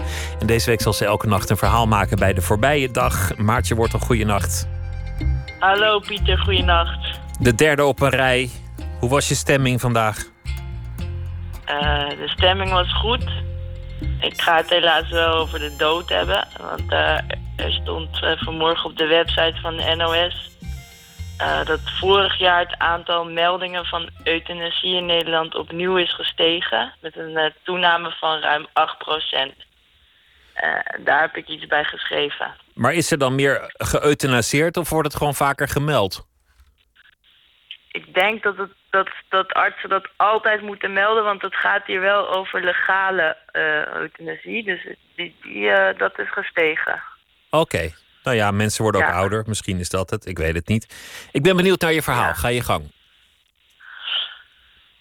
Vrijwillig of onvrijwillig, de dood blijft vaak een ingewikkeld, beangstigend, mysterieus en onbespreekbaar iets. We kunnen de dood levend houden door er taal voor te vinden. Helaas verdwijnen veel van de woorden die met de dood te maken hebben uit de dikke vandalen. Omdat we liever om de dood heen praten alsof hij er niet is, ons nimmer vreed of onverwacht overrompelt, sterven ook bepaalde woorden rondom de dood uit. Kunstenaar en schrijver Fibeke Massini plaatste een paar maanden geleden een rouwadvertentie voor het woord doodsreutel. Dat is de rochelende ademhaling van een stervend mens en een uitstervend woord. Ook het schitterende woord ontlijven is niet meer in het woordenboek te vinden. We moeten zoveel mogelijk woorden in leven houden, zegt Massini. Dat is de taak van een schrijver. De definitie van leven en levenloosheid vastleggen. Doodsreutel, ontlijven. Bij deze zijn de woorden gezegd. Massini doet ook onderzoek naar de levensloop van een adem. Wanneer stopt de adem te bestaan? Op YouTube luistert ze geregeld naar de laatste ademhaling van ene Ron. Die video is nu zo vaak bekeken dat Ron dankzij de hoeveelheid views in zijn totaliteit al een week langer ademhaalt. Ook vertelt Massini dat haar oud-oom een paar jaar geleden plotseling stierf op het voetbalveld. Hij was al maanden dood toen haar oudtante in de schuur een door hem opgeblazen luchtbed vond. Daar stond die tante, in de schuur, met een rood luchtbed en een verschrikkelijk dilemma in haar handen. De laatste adem van haar man. De laatste adem gevangen in een luchtbed. Moet je daar dan plechtig mee omgaan of niet? Dat is wel een mooi, ja, uh, mooi gegeven. En ja, echt een mooi gegeven. Ik, ik, ik vroeg uh, uh, ik vroeg aan de, aan de kunstenaar wat er uiteindelijk gebeurd is met het luchtbed. En helaas is de tante dat vergeten. Dus zo belangrijk bleek het uiteindelijk ook weer niet te zijn. Nee, dat, daar moet je volgens mij ook niet te belangrijk over doen. Want al die plechtigheid, dat zijn allemaal pogingen iemand in leven te houden. En daarmee te ontkennen wat het, het feit is dat hij dood is. Ja, klopt. Sorry, maar zo is het. Uh, ja, Maartje, dankjewel. Een goede nacht. En dank voor deze beschouwing Goeie... bij het, uh, het ontlijven. En uh, heel graag weer tot morgen. Pieter. Tot morgen.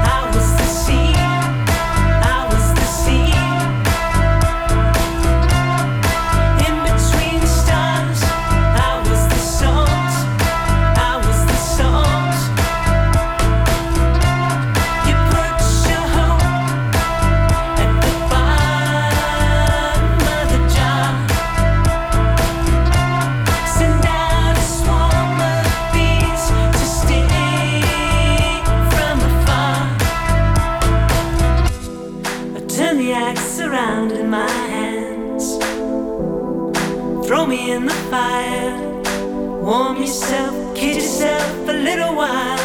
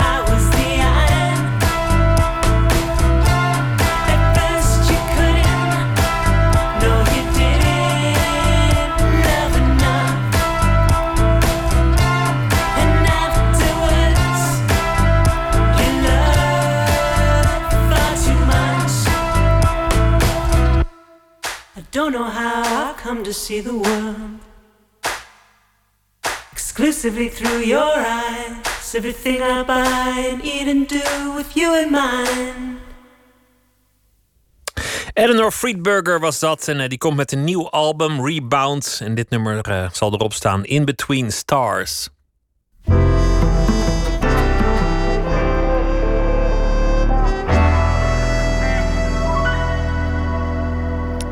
De rubriek heet Open Kaart. 150 vragen over werk en leven zitten in een bak. En die gaan we doornemen met eh Raoul de Jong. Hij is eh, schrijver. Hij is veel meer dan schrijver alleen. Hij maakt ook eh, programma's. Hij acteert. En hij danst. En hij heeft nu een boek geschreven dat gaat over zichzelf als jongeman, als puber. Want wat veel mensen niet gebeurt, is hem wel gebeurd. Hij hervond zijn dagboek uit de puberjaren. En kreeg zo een inkijkje in het brein van zijn jongeren zelf. Raoul de Jong, hartelijk welkom. Dankjewel. Je, je hebt het origineel ook, ook bij je. Ja, inderdaad. Ja, Met een bloemetjeskap. ja. Beetje vergild al. ja. en de, de voorkant die laat los. En een foto van jezelf. En een foto van mezelf. Ja, er zitten heel veel foto's van mezelf in. Hoe, oud, hoe oud ben je daar op de, op de foto die, die ik nu zie? Ehm, vier jaar? Ja, vier jaar schoolfoto heb ik daar dan bij gezet als eh, elfjarige.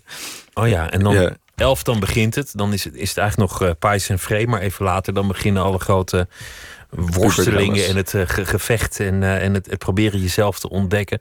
Ja. Ik, ik, vond, ik vond het boek geestig. Ik vond het herkenbaar. Ik vond het ook, ook op de een of andere manier ontroerend. ja, wat leuk om te horen. Waarom vond je het ontroerend? Omdat, omdat de jongen die jij was toen je, toen je een jaar of 13, 14 was, zo, zo worstelde en eigenlijk, eigenlijk zelfs een beetje zwaar op de hand was. Mhm, Zich ja. bezig hield met thema's waar, waarvan ik zou zeggen, met, eh, met de, de afstand die ik nu heb. Nou, dat komt later wel. Ja. Dat zien we dan wel weer. Daar hoef je nu niet, niet zorgen over te maken. Ja, zo, zoals het verdwijnen van de tropisch regenwoud en zo. Dat soort Precies, dingen. het, het lot van de wereld, of, of sterfelijkheid, of het vinden van je plek in de wereld, of wat je moet, of je ja. carrièrekeuzes, of eh, ja, allemaal dat soort dingen. Ja, heel dramatisch. En tamelijk zwaar. Ja, ja grappig. Ja, ja ik was een, een, een dramatisch en ta- tamelijk zwaar kind van elf. Inderdaad, ja.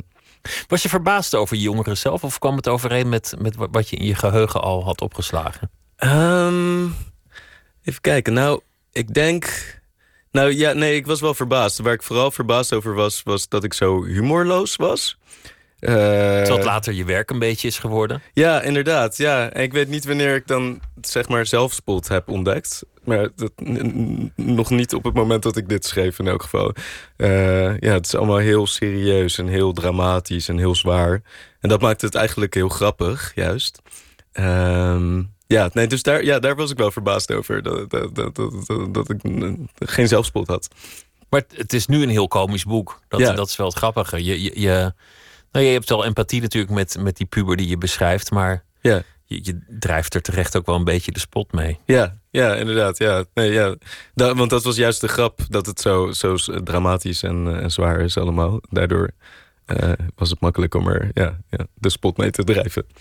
Ik zou dit, dit normaal eigenlijk niet zo snel aan iemand vragen. Maar, maar je zit hier en je dagboek ligt voor je. Wil je een kleine passage voorlezen? Oh god, ja. Eh, Durf je dat aan? Ja, durf, ik aan. Moet, moet ik een soort disclaimer geven van we zijn inmiddels wel eh, flink wat jaartjes verder. En ja. De man was Ja, doe jong. maar.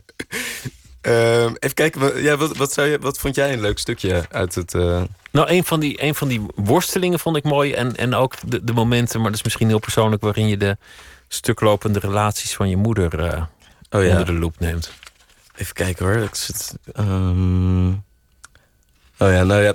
Mooi handschrift trouwens. Ja, ja, inderdaad. Ja, met mooie krulletters. Ook weer heel dramatisch en serieus. Als ik, als ik, ik had geen puberdagboek, maar als ik hem zou hervinden, dan denk ik dat ik meerdere schriftdeskundigen erop zou moeten loslaten, omdat het een soort lineair A of B zou blijken te zijn. Ja, grappig. Ja. ja, mijn handschrift nu is eh, ook niet meer zoals, eh, zoals toen.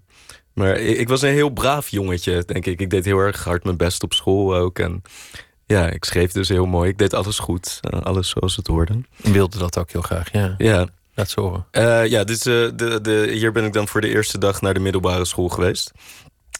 Liefdagboek. Vandaag ben ik voor de allereerste dag naar school gegaan. Vanochtend was ik ziek van de zenuwen. Toen ik aankwam moest ik opzoeken in welke groep ik zit en waarnaar die groep moest.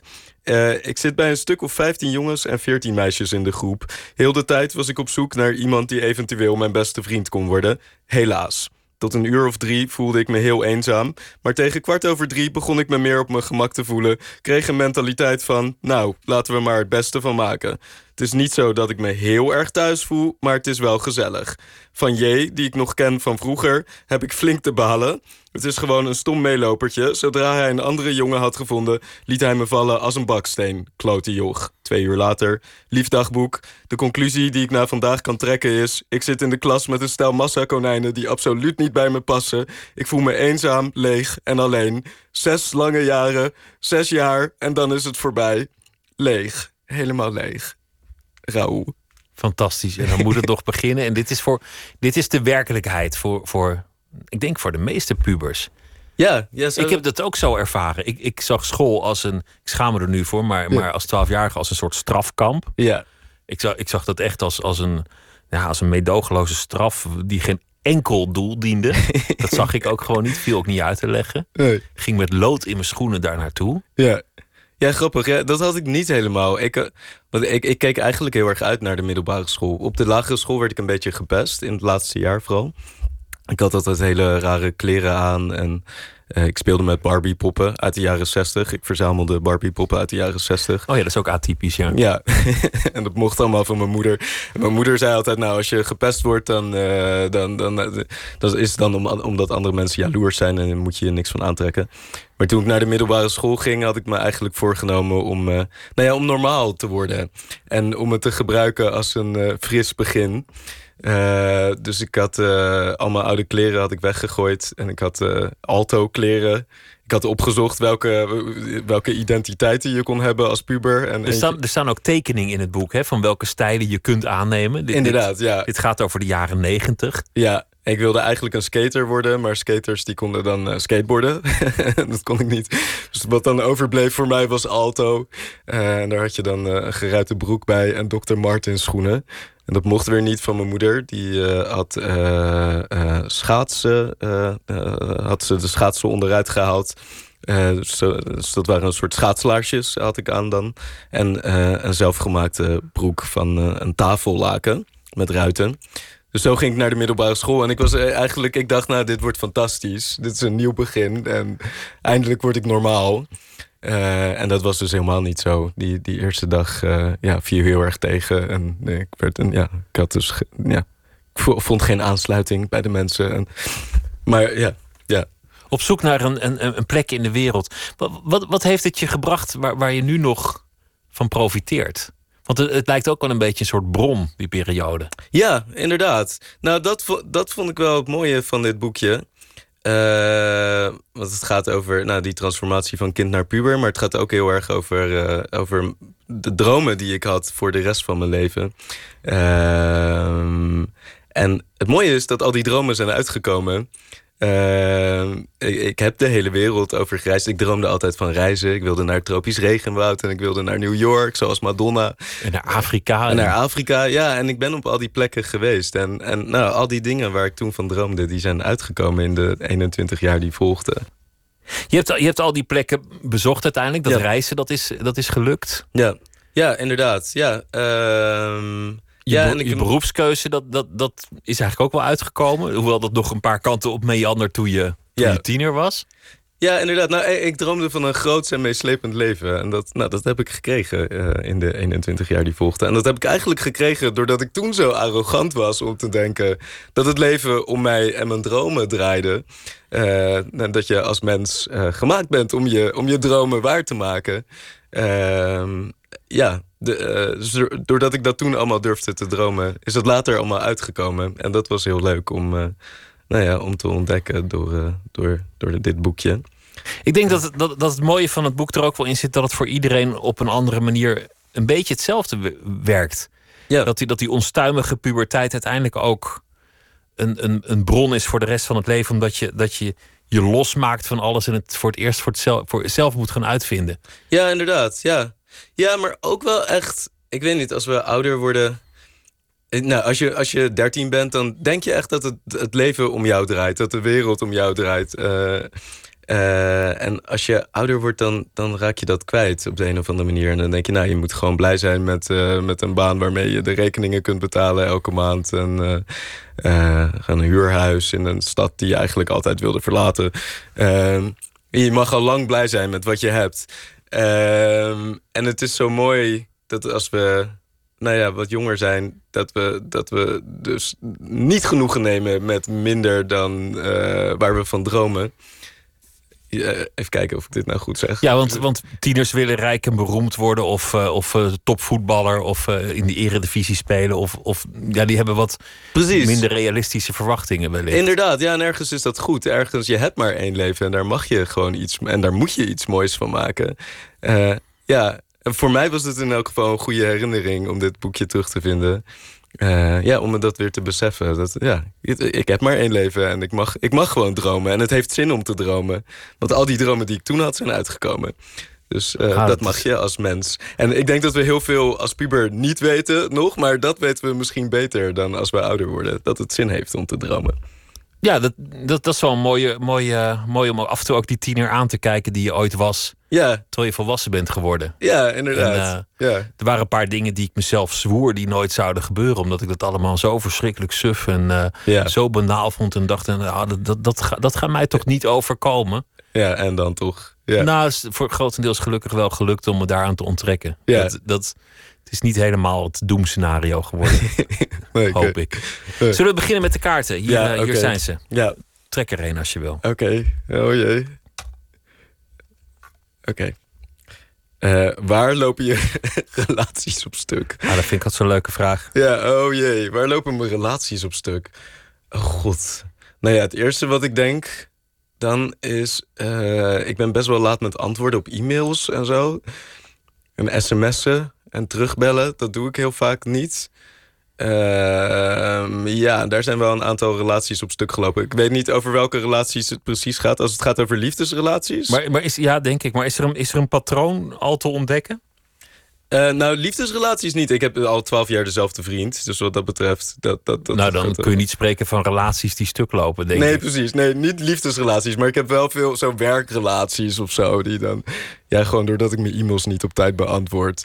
dat ze me dan niet nog een keer vragen voor iets... Uh, ja, maar twaalf jaar dezelfde vriend is, is voor, een, voor een jonge man eigenlijk best wel bijzonder. Dat, Mhm. dat, dat het uh, ja. meteen al zo lang duurt. Ja, nou het was heel bijzonder. We hebben elkaar. Ik ben dus uh, op mijn 21ste ben ik met 50 dollar naar New York gegaan. Net zoals uh, Madonna ooit. Die is ook ooit met 50 dollar naar New York gegaan. En daar droomde ik altijd van. Zodra ik volwassen ben, dacht ik, wil ik dat, datzelfde doen. Eh, en op oud en nieuw ben ik eh, eh, mijn vriend toen tegengekomen. En die was eigenlijk ook met heel weinig geld naar New York gegaan. Zelfs zonder Engels te spreken. Eh, dat heeft hij daar geleerd. Hij kon wel Engels tegen de tijd dat ik hem ontmoette. Eh, maar ja, ja dat was heel, het, het- was heel magisch. Het begin van onze relatie was heel magisch. En ja, het was meteen duidelijk... Nou ja, dat we een soort van voor elkaar gemaakt waren. Ehm, nou ja, en dat is dus ook zo. Het is niet heel moeilijk om eh, op de een of andere manier om, om bij hem te blijven. Als het heel moeilijk zou zijn om bij iemand te blijven, dan, dan is het misschien ook wat minder leuk. Ja. Denk ik. Ja. Ja, inderdaad. Nou ja, het is niet altijd even makkelijk. We hebben wel vaak ruzie over de afwas en zo. dat soort dingen. Maar... eh, Koop een vaatwasser, joh. Ja, Ja. ik zal het hem zeggen. Neem, neem nog een kaart. Ja. Eh, hoe wil je dat mensen zich jou herinneren? Oh god. Even kijken. Ik weet niet, nou. Als een aardig mens, denk ik. En. Nou ja, toch wel als een inspirerend mens ook. Iemand die iets leuks heeft gemaakt van, van het leven en ook andere mensen heeft laten zien eh, hoe je dat doet en dat het kan en dat dat mag.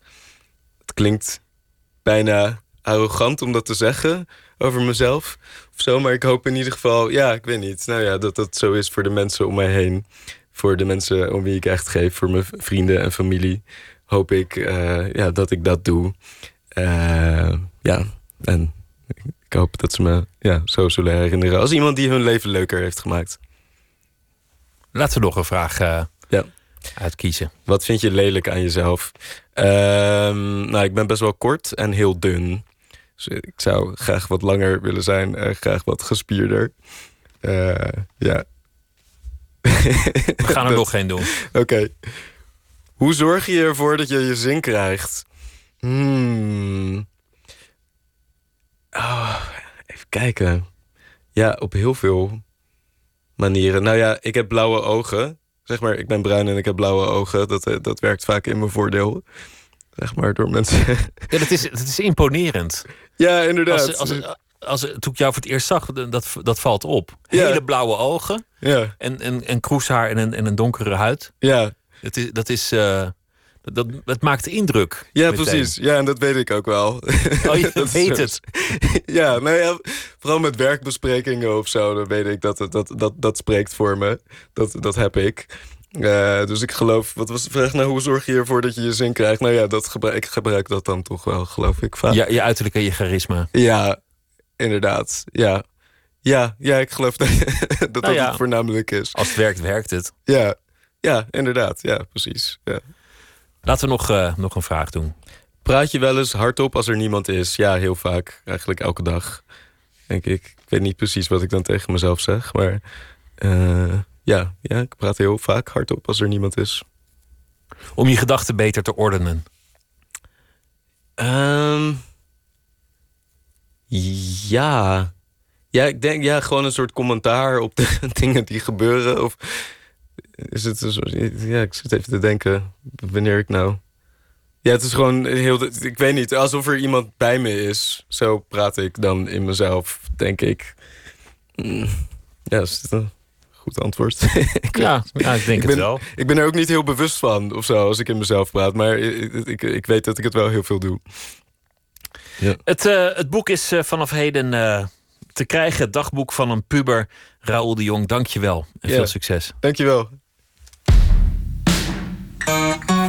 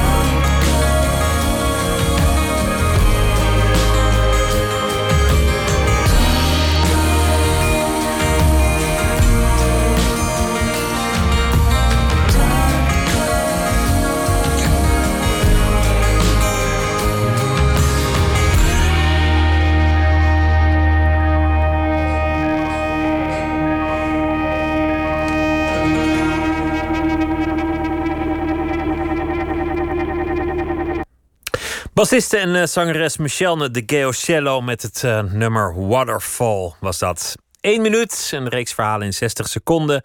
Deze is gemaakt door Ran Schonewille en heet De Club, deel 5. Eén minuut. Ik kwam voor het eerst in aanraking met korfbal toen ik een jaar of elf was. Mijn zus, mijn oudere zus, zat al op korfbal. Heel veel vrienden, vriendinnen hield ik eraan over. En elke zaterdag in de loop van de, van de jaren is ook eh, Bert meegegaan. Toen eh, Bert en ik wat kregen met elkaar was het op school.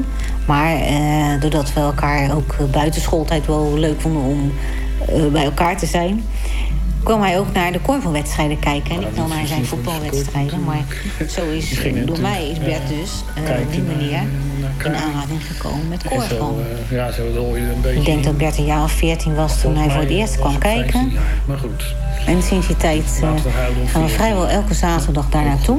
Wij zijn eh, best wel 33 jaar een belangrijk aandeel, ja, een belangrijk deel van ons leven geworden uiteindelijk. Gebeurt. Niet alleen voor de sport, drinken, maar ook uh, de zijde de mensen die je daar leert kennen. Dat vindt hij leuk. Ja, en zo blijf je toch een beetje eh, bij die vereniging hangen. Eén minuut, gemaakt door uh, Rans Schonewille was dat. 21 april is het Record Store Day over de hele wereld voor de liefhebbers van vinyl. Een mooie dag, want ze kunnen naar de platenzaak om uh, daar te proberen een van de zeldzame, beperkte oplagen releases te bemachtigen. En de lijst met die releases die is vandaag uh, bekendgemaakt.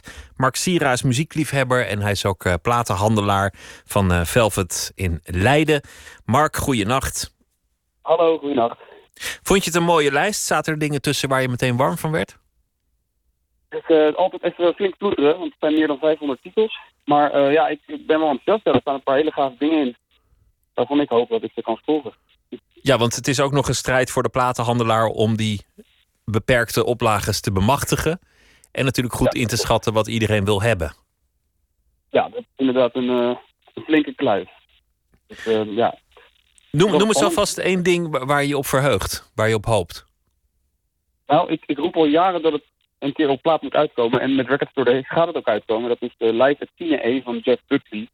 Dat is een eh, concert dat hij in, eh, in een café gaf in New York. Vlak voordat hij wereldberoemd werd. En dat is echt, eh, ja, echt prachtig. Super, super goed. Humoristisch ook. Hij, hij doet covers en vertelt daar verhalen bij. Een heel mooi, mooi album. Ik ben heel blij dat hij er eindelijk op plaat komt.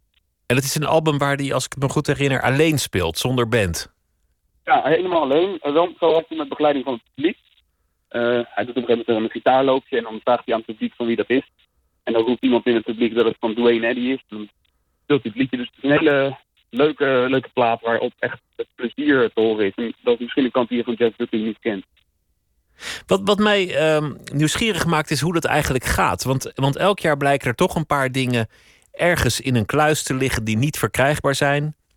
Met zeldzame opnames, demo's, een, een oud live concert. Soms zelfs hele bijzondere dingen. Wie, wie gaat er achteraan? Wat is de reden van de platenmaatschappijen om dat vrij te geven?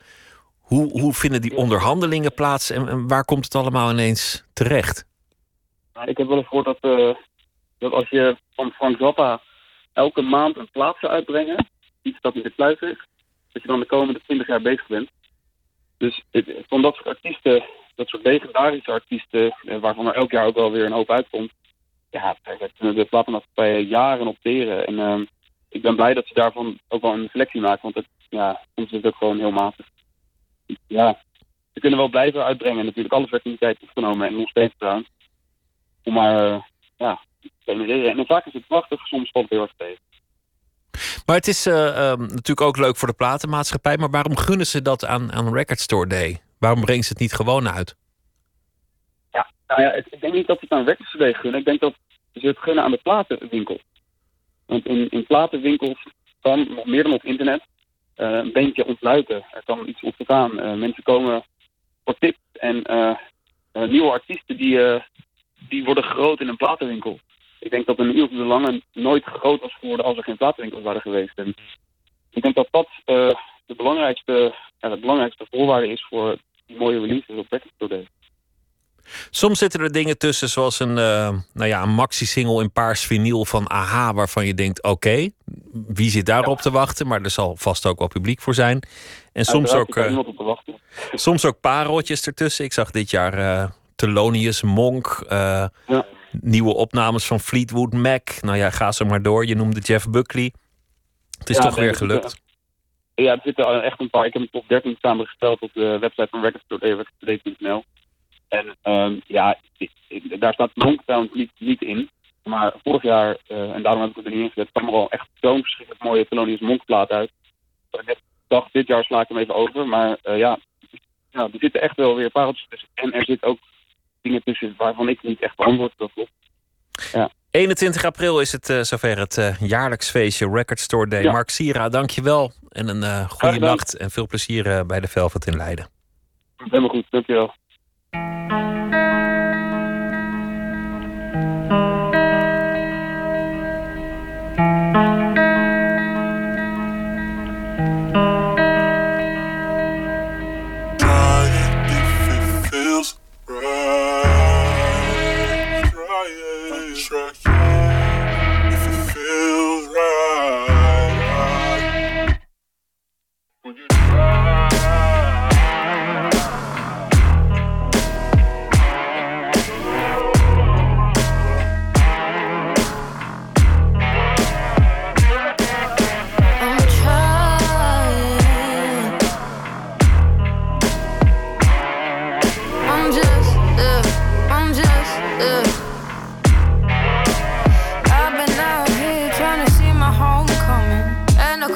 course, somebody's always gonna say something.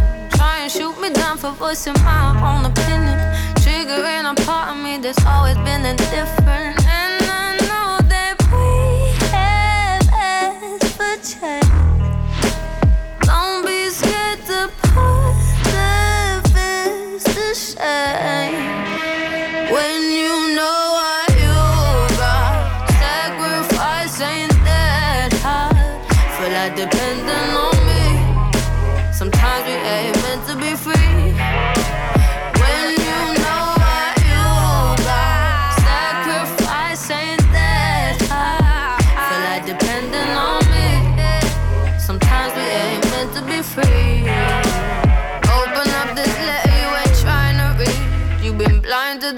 Subject, but not blind to me. And I know that this margin ain't too small for me. Not too real, not too much. I need more, not enough.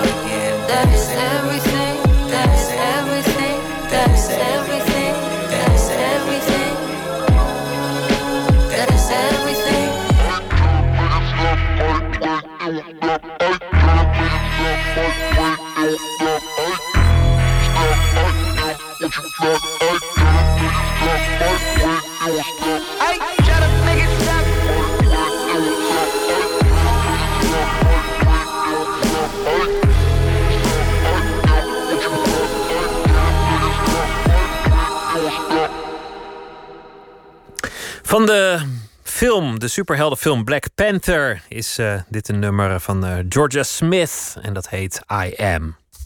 Eens in de twee weken nemen wij eh, in Amsterdam in de platenwinkel Velvet Music twee sessies op met muzikanten uit binnen- of buitenland die een paar liedjes komen inspelen en er iets over vertellen. En de afgelopen keer was het podium voor Douglas Fierce.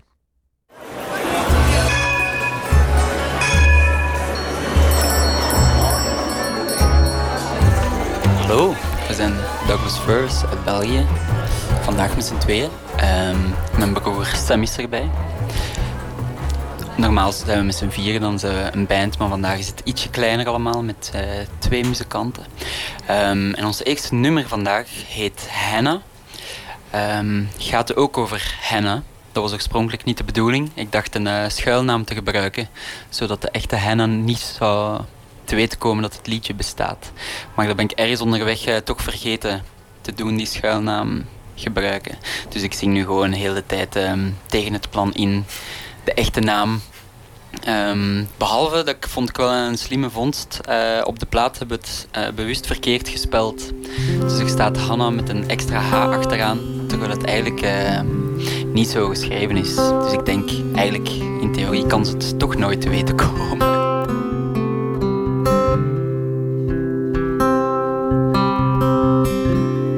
Guess it was about time to go and find out what you'd made of things.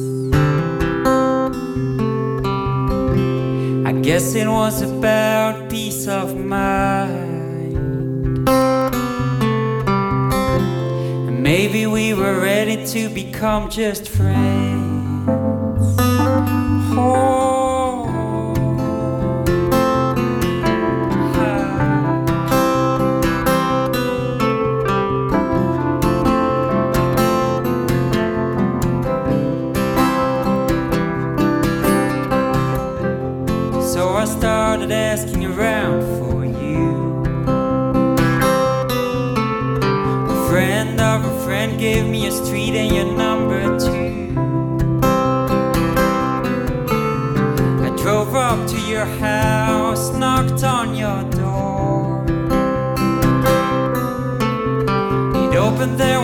Someone that I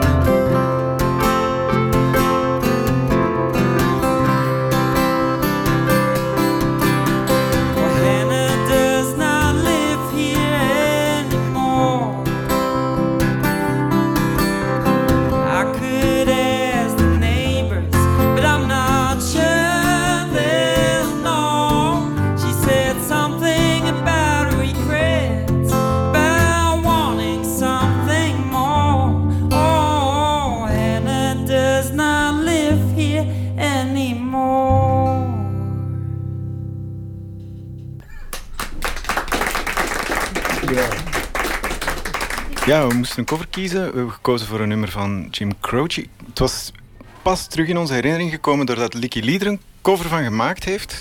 En eigenlijk wel heel tof, want zij doet het in, in 4-4 in plaats van in, in plaats van het walsje dat het bij Jim Croce is. En dat werkt wel ongelooflijk. Dus wij doen eigenlijk min of meer een cover van de cover, maar dan een beetje terug richting origineel met een akoestische gitaar en, en een Wurlitzer. Het grappige aan dat nummer, Time in a Bottle, heeft als boodschap eigenlijk een beetje dezelfde boodschap als veel nummers op mijn nieuwe plaat. Een soort van, er is nooit genoeg tijd ehm, om alles te doen dat je zou willen doen. Een leven is maar zo kort, hoe moet je die keuzes maken? Ehm, wil ik nu muzikant zijn of wil ik ergens eh, een brug bouwen als ingenieur of wil ik binnenhuisarchitect worden of weet ik veel. Je moet ergens altijd keuzes maken in, in alles. Hè. Waar wil ik wonen? En, eh, en dat is zo moeilijk. En daar zingt eh, Jim Croce ook over. If I could save time in a bottle, the first thing that I'd like to do is to save every day till eternity passes away, just to spend them with you. If I could make days last forever. If words could make wishes come true, I'd save every day like a treasure, and then again I would spend them with you. But there never seems to be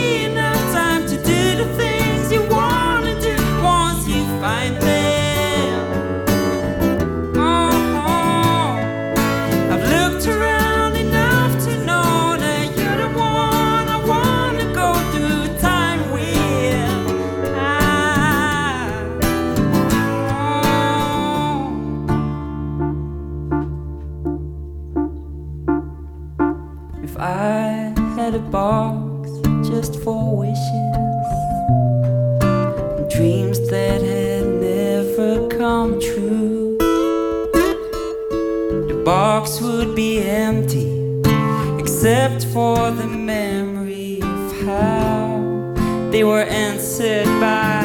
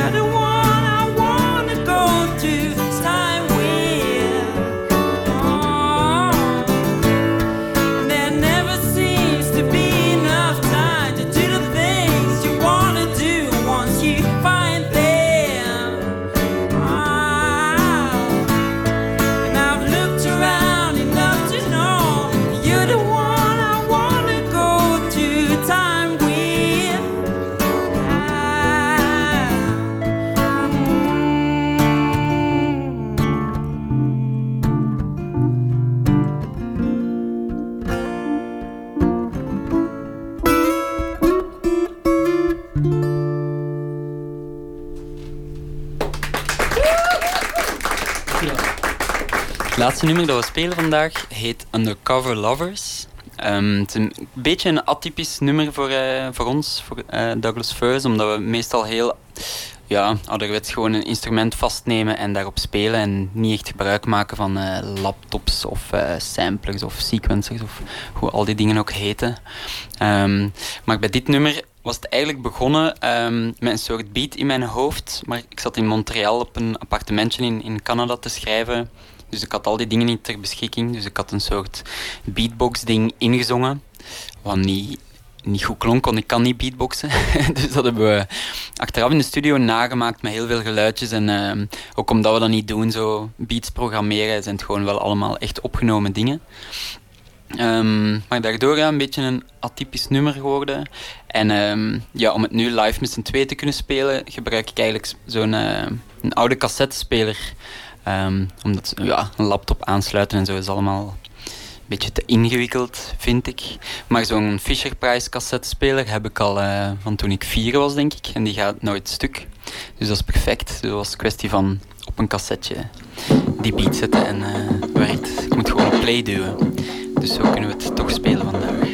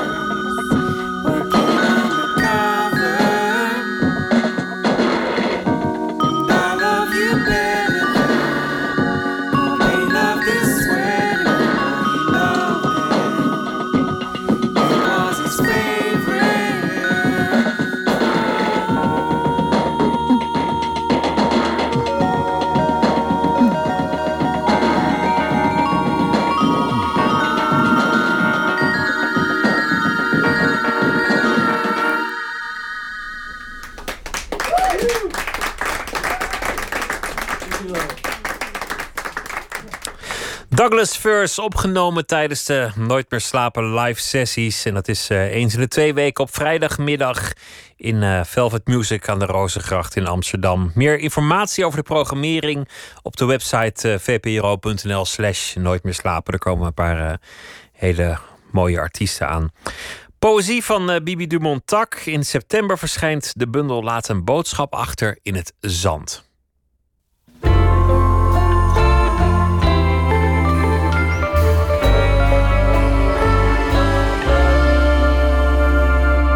Het Siberisch muskushert. Wanneer de nacht het licht uitdoet en de duisternis het land bedekt, dan is het tijd dat hij tevoorschijn komt en uit zijn sluimering wordt gewekt. Zijn ogen gitzwart in zijn kop, sterrenlicht weerkaatst erop. Zo struint met lampjes aan weerszij het hertje van de taiga rond. Schattig, Hmm, valt mee. Daar steken twee vampiertanden uit zijn mond. Om mee te doden, bloed te zuigen, angst te zaaien, af te tuigen? Wel, nee.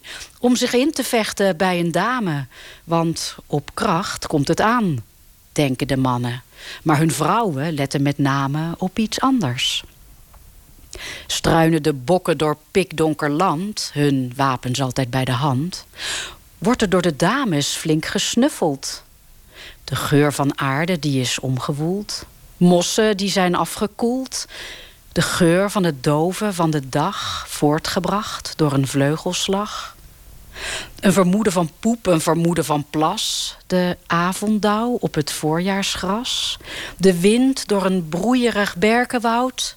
Dat is de lucht waar een hinde van houdt. Het is een ruig en wild parfum pure muskus uit de klier van een lekker mannetjesdier. Die geur en niets anders wil ze in haar neus. En terwijl die macho's met hun tanden blinken, hoor je die vrouwtjes allemaal denken: Jongens, hou die wapens nou eens op zak, geen interesse in. Wat we dan wel willen, dat jullie voor eeuwig en altijd verrukkelijk stinken. Ja, dit is natuurlijk niet echt een onderwerp voor een gedicht, het Siberisch muskushert. Maar ik uh, wil een bundel schrijven vol po poëzie over evenhoevigen voor kinderen. En het Siberisch muskushert is een evenhoevige. Dat zijn dieren met twee of vier tenen. En het Siberisch muskushert wilde ik erin omdat hij zo bekend is vanwege de muskus. En uh, daar worden al die heerlijke parfums van gemaakt. Maar als je het echt ruikt, dan. Nou ja, dat heb ik proberen te beschrijven.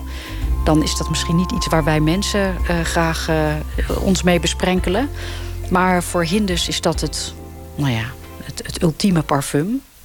Het Siberisch muskushert. Wanneer de nacht het licht uitdoet en de duisternis het land bedekt, dan is het tijd dat hij tevoorschijn komt en uit zijn sluimering wordt gewekt. Zijn ogen gitzwart in zijn kop, sterrenlicht weerkaatst erop. Zo struint met lampjes aan weerszij het hertje van de taiga rond. Schattig? Hmm, valt mee, daar steken twee vampiertanden uit zijn mond om mee te doden, bloed te zuigen, angst te zaaien, af te tuigen? Wel, nee, om zich in te vechten bij een dame. Want op kracht komt het aan, denken de mannen. Maar hun vrouwen letten met name op iets anders. Struinen de bokken door pikdonker land, hun wapens altijd bij de hand, wordt er door de dames flink gesnuffeld.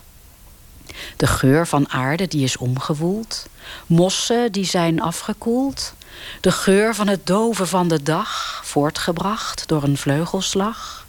Een vermoeden van poep, een vermoeden van plas.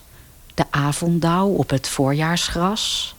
De wind door een broeierig berkenwoud. Dat is de lucht waar een hinde van houdt. Het is een ruig en wild parfum. Pure muskus uit de klier van een lekker mannetjesdier. Die geur en niets anders wil ze in haar neus. En terwijl die macho's met hun tanden blinken, hoor je die vrouwtjes allemaal denken: Jongens, Hou die wapens nou eens op zak. Geen interesse in. Wat we dan wel willen? Dat jullie voor eeuwig en altijd verrukkelijk stinken.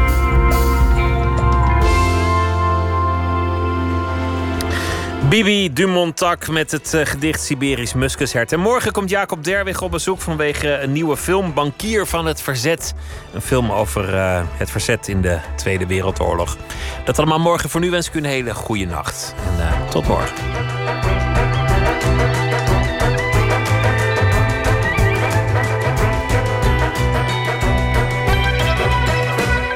Op Radio 1, het nieuws van alle kanten.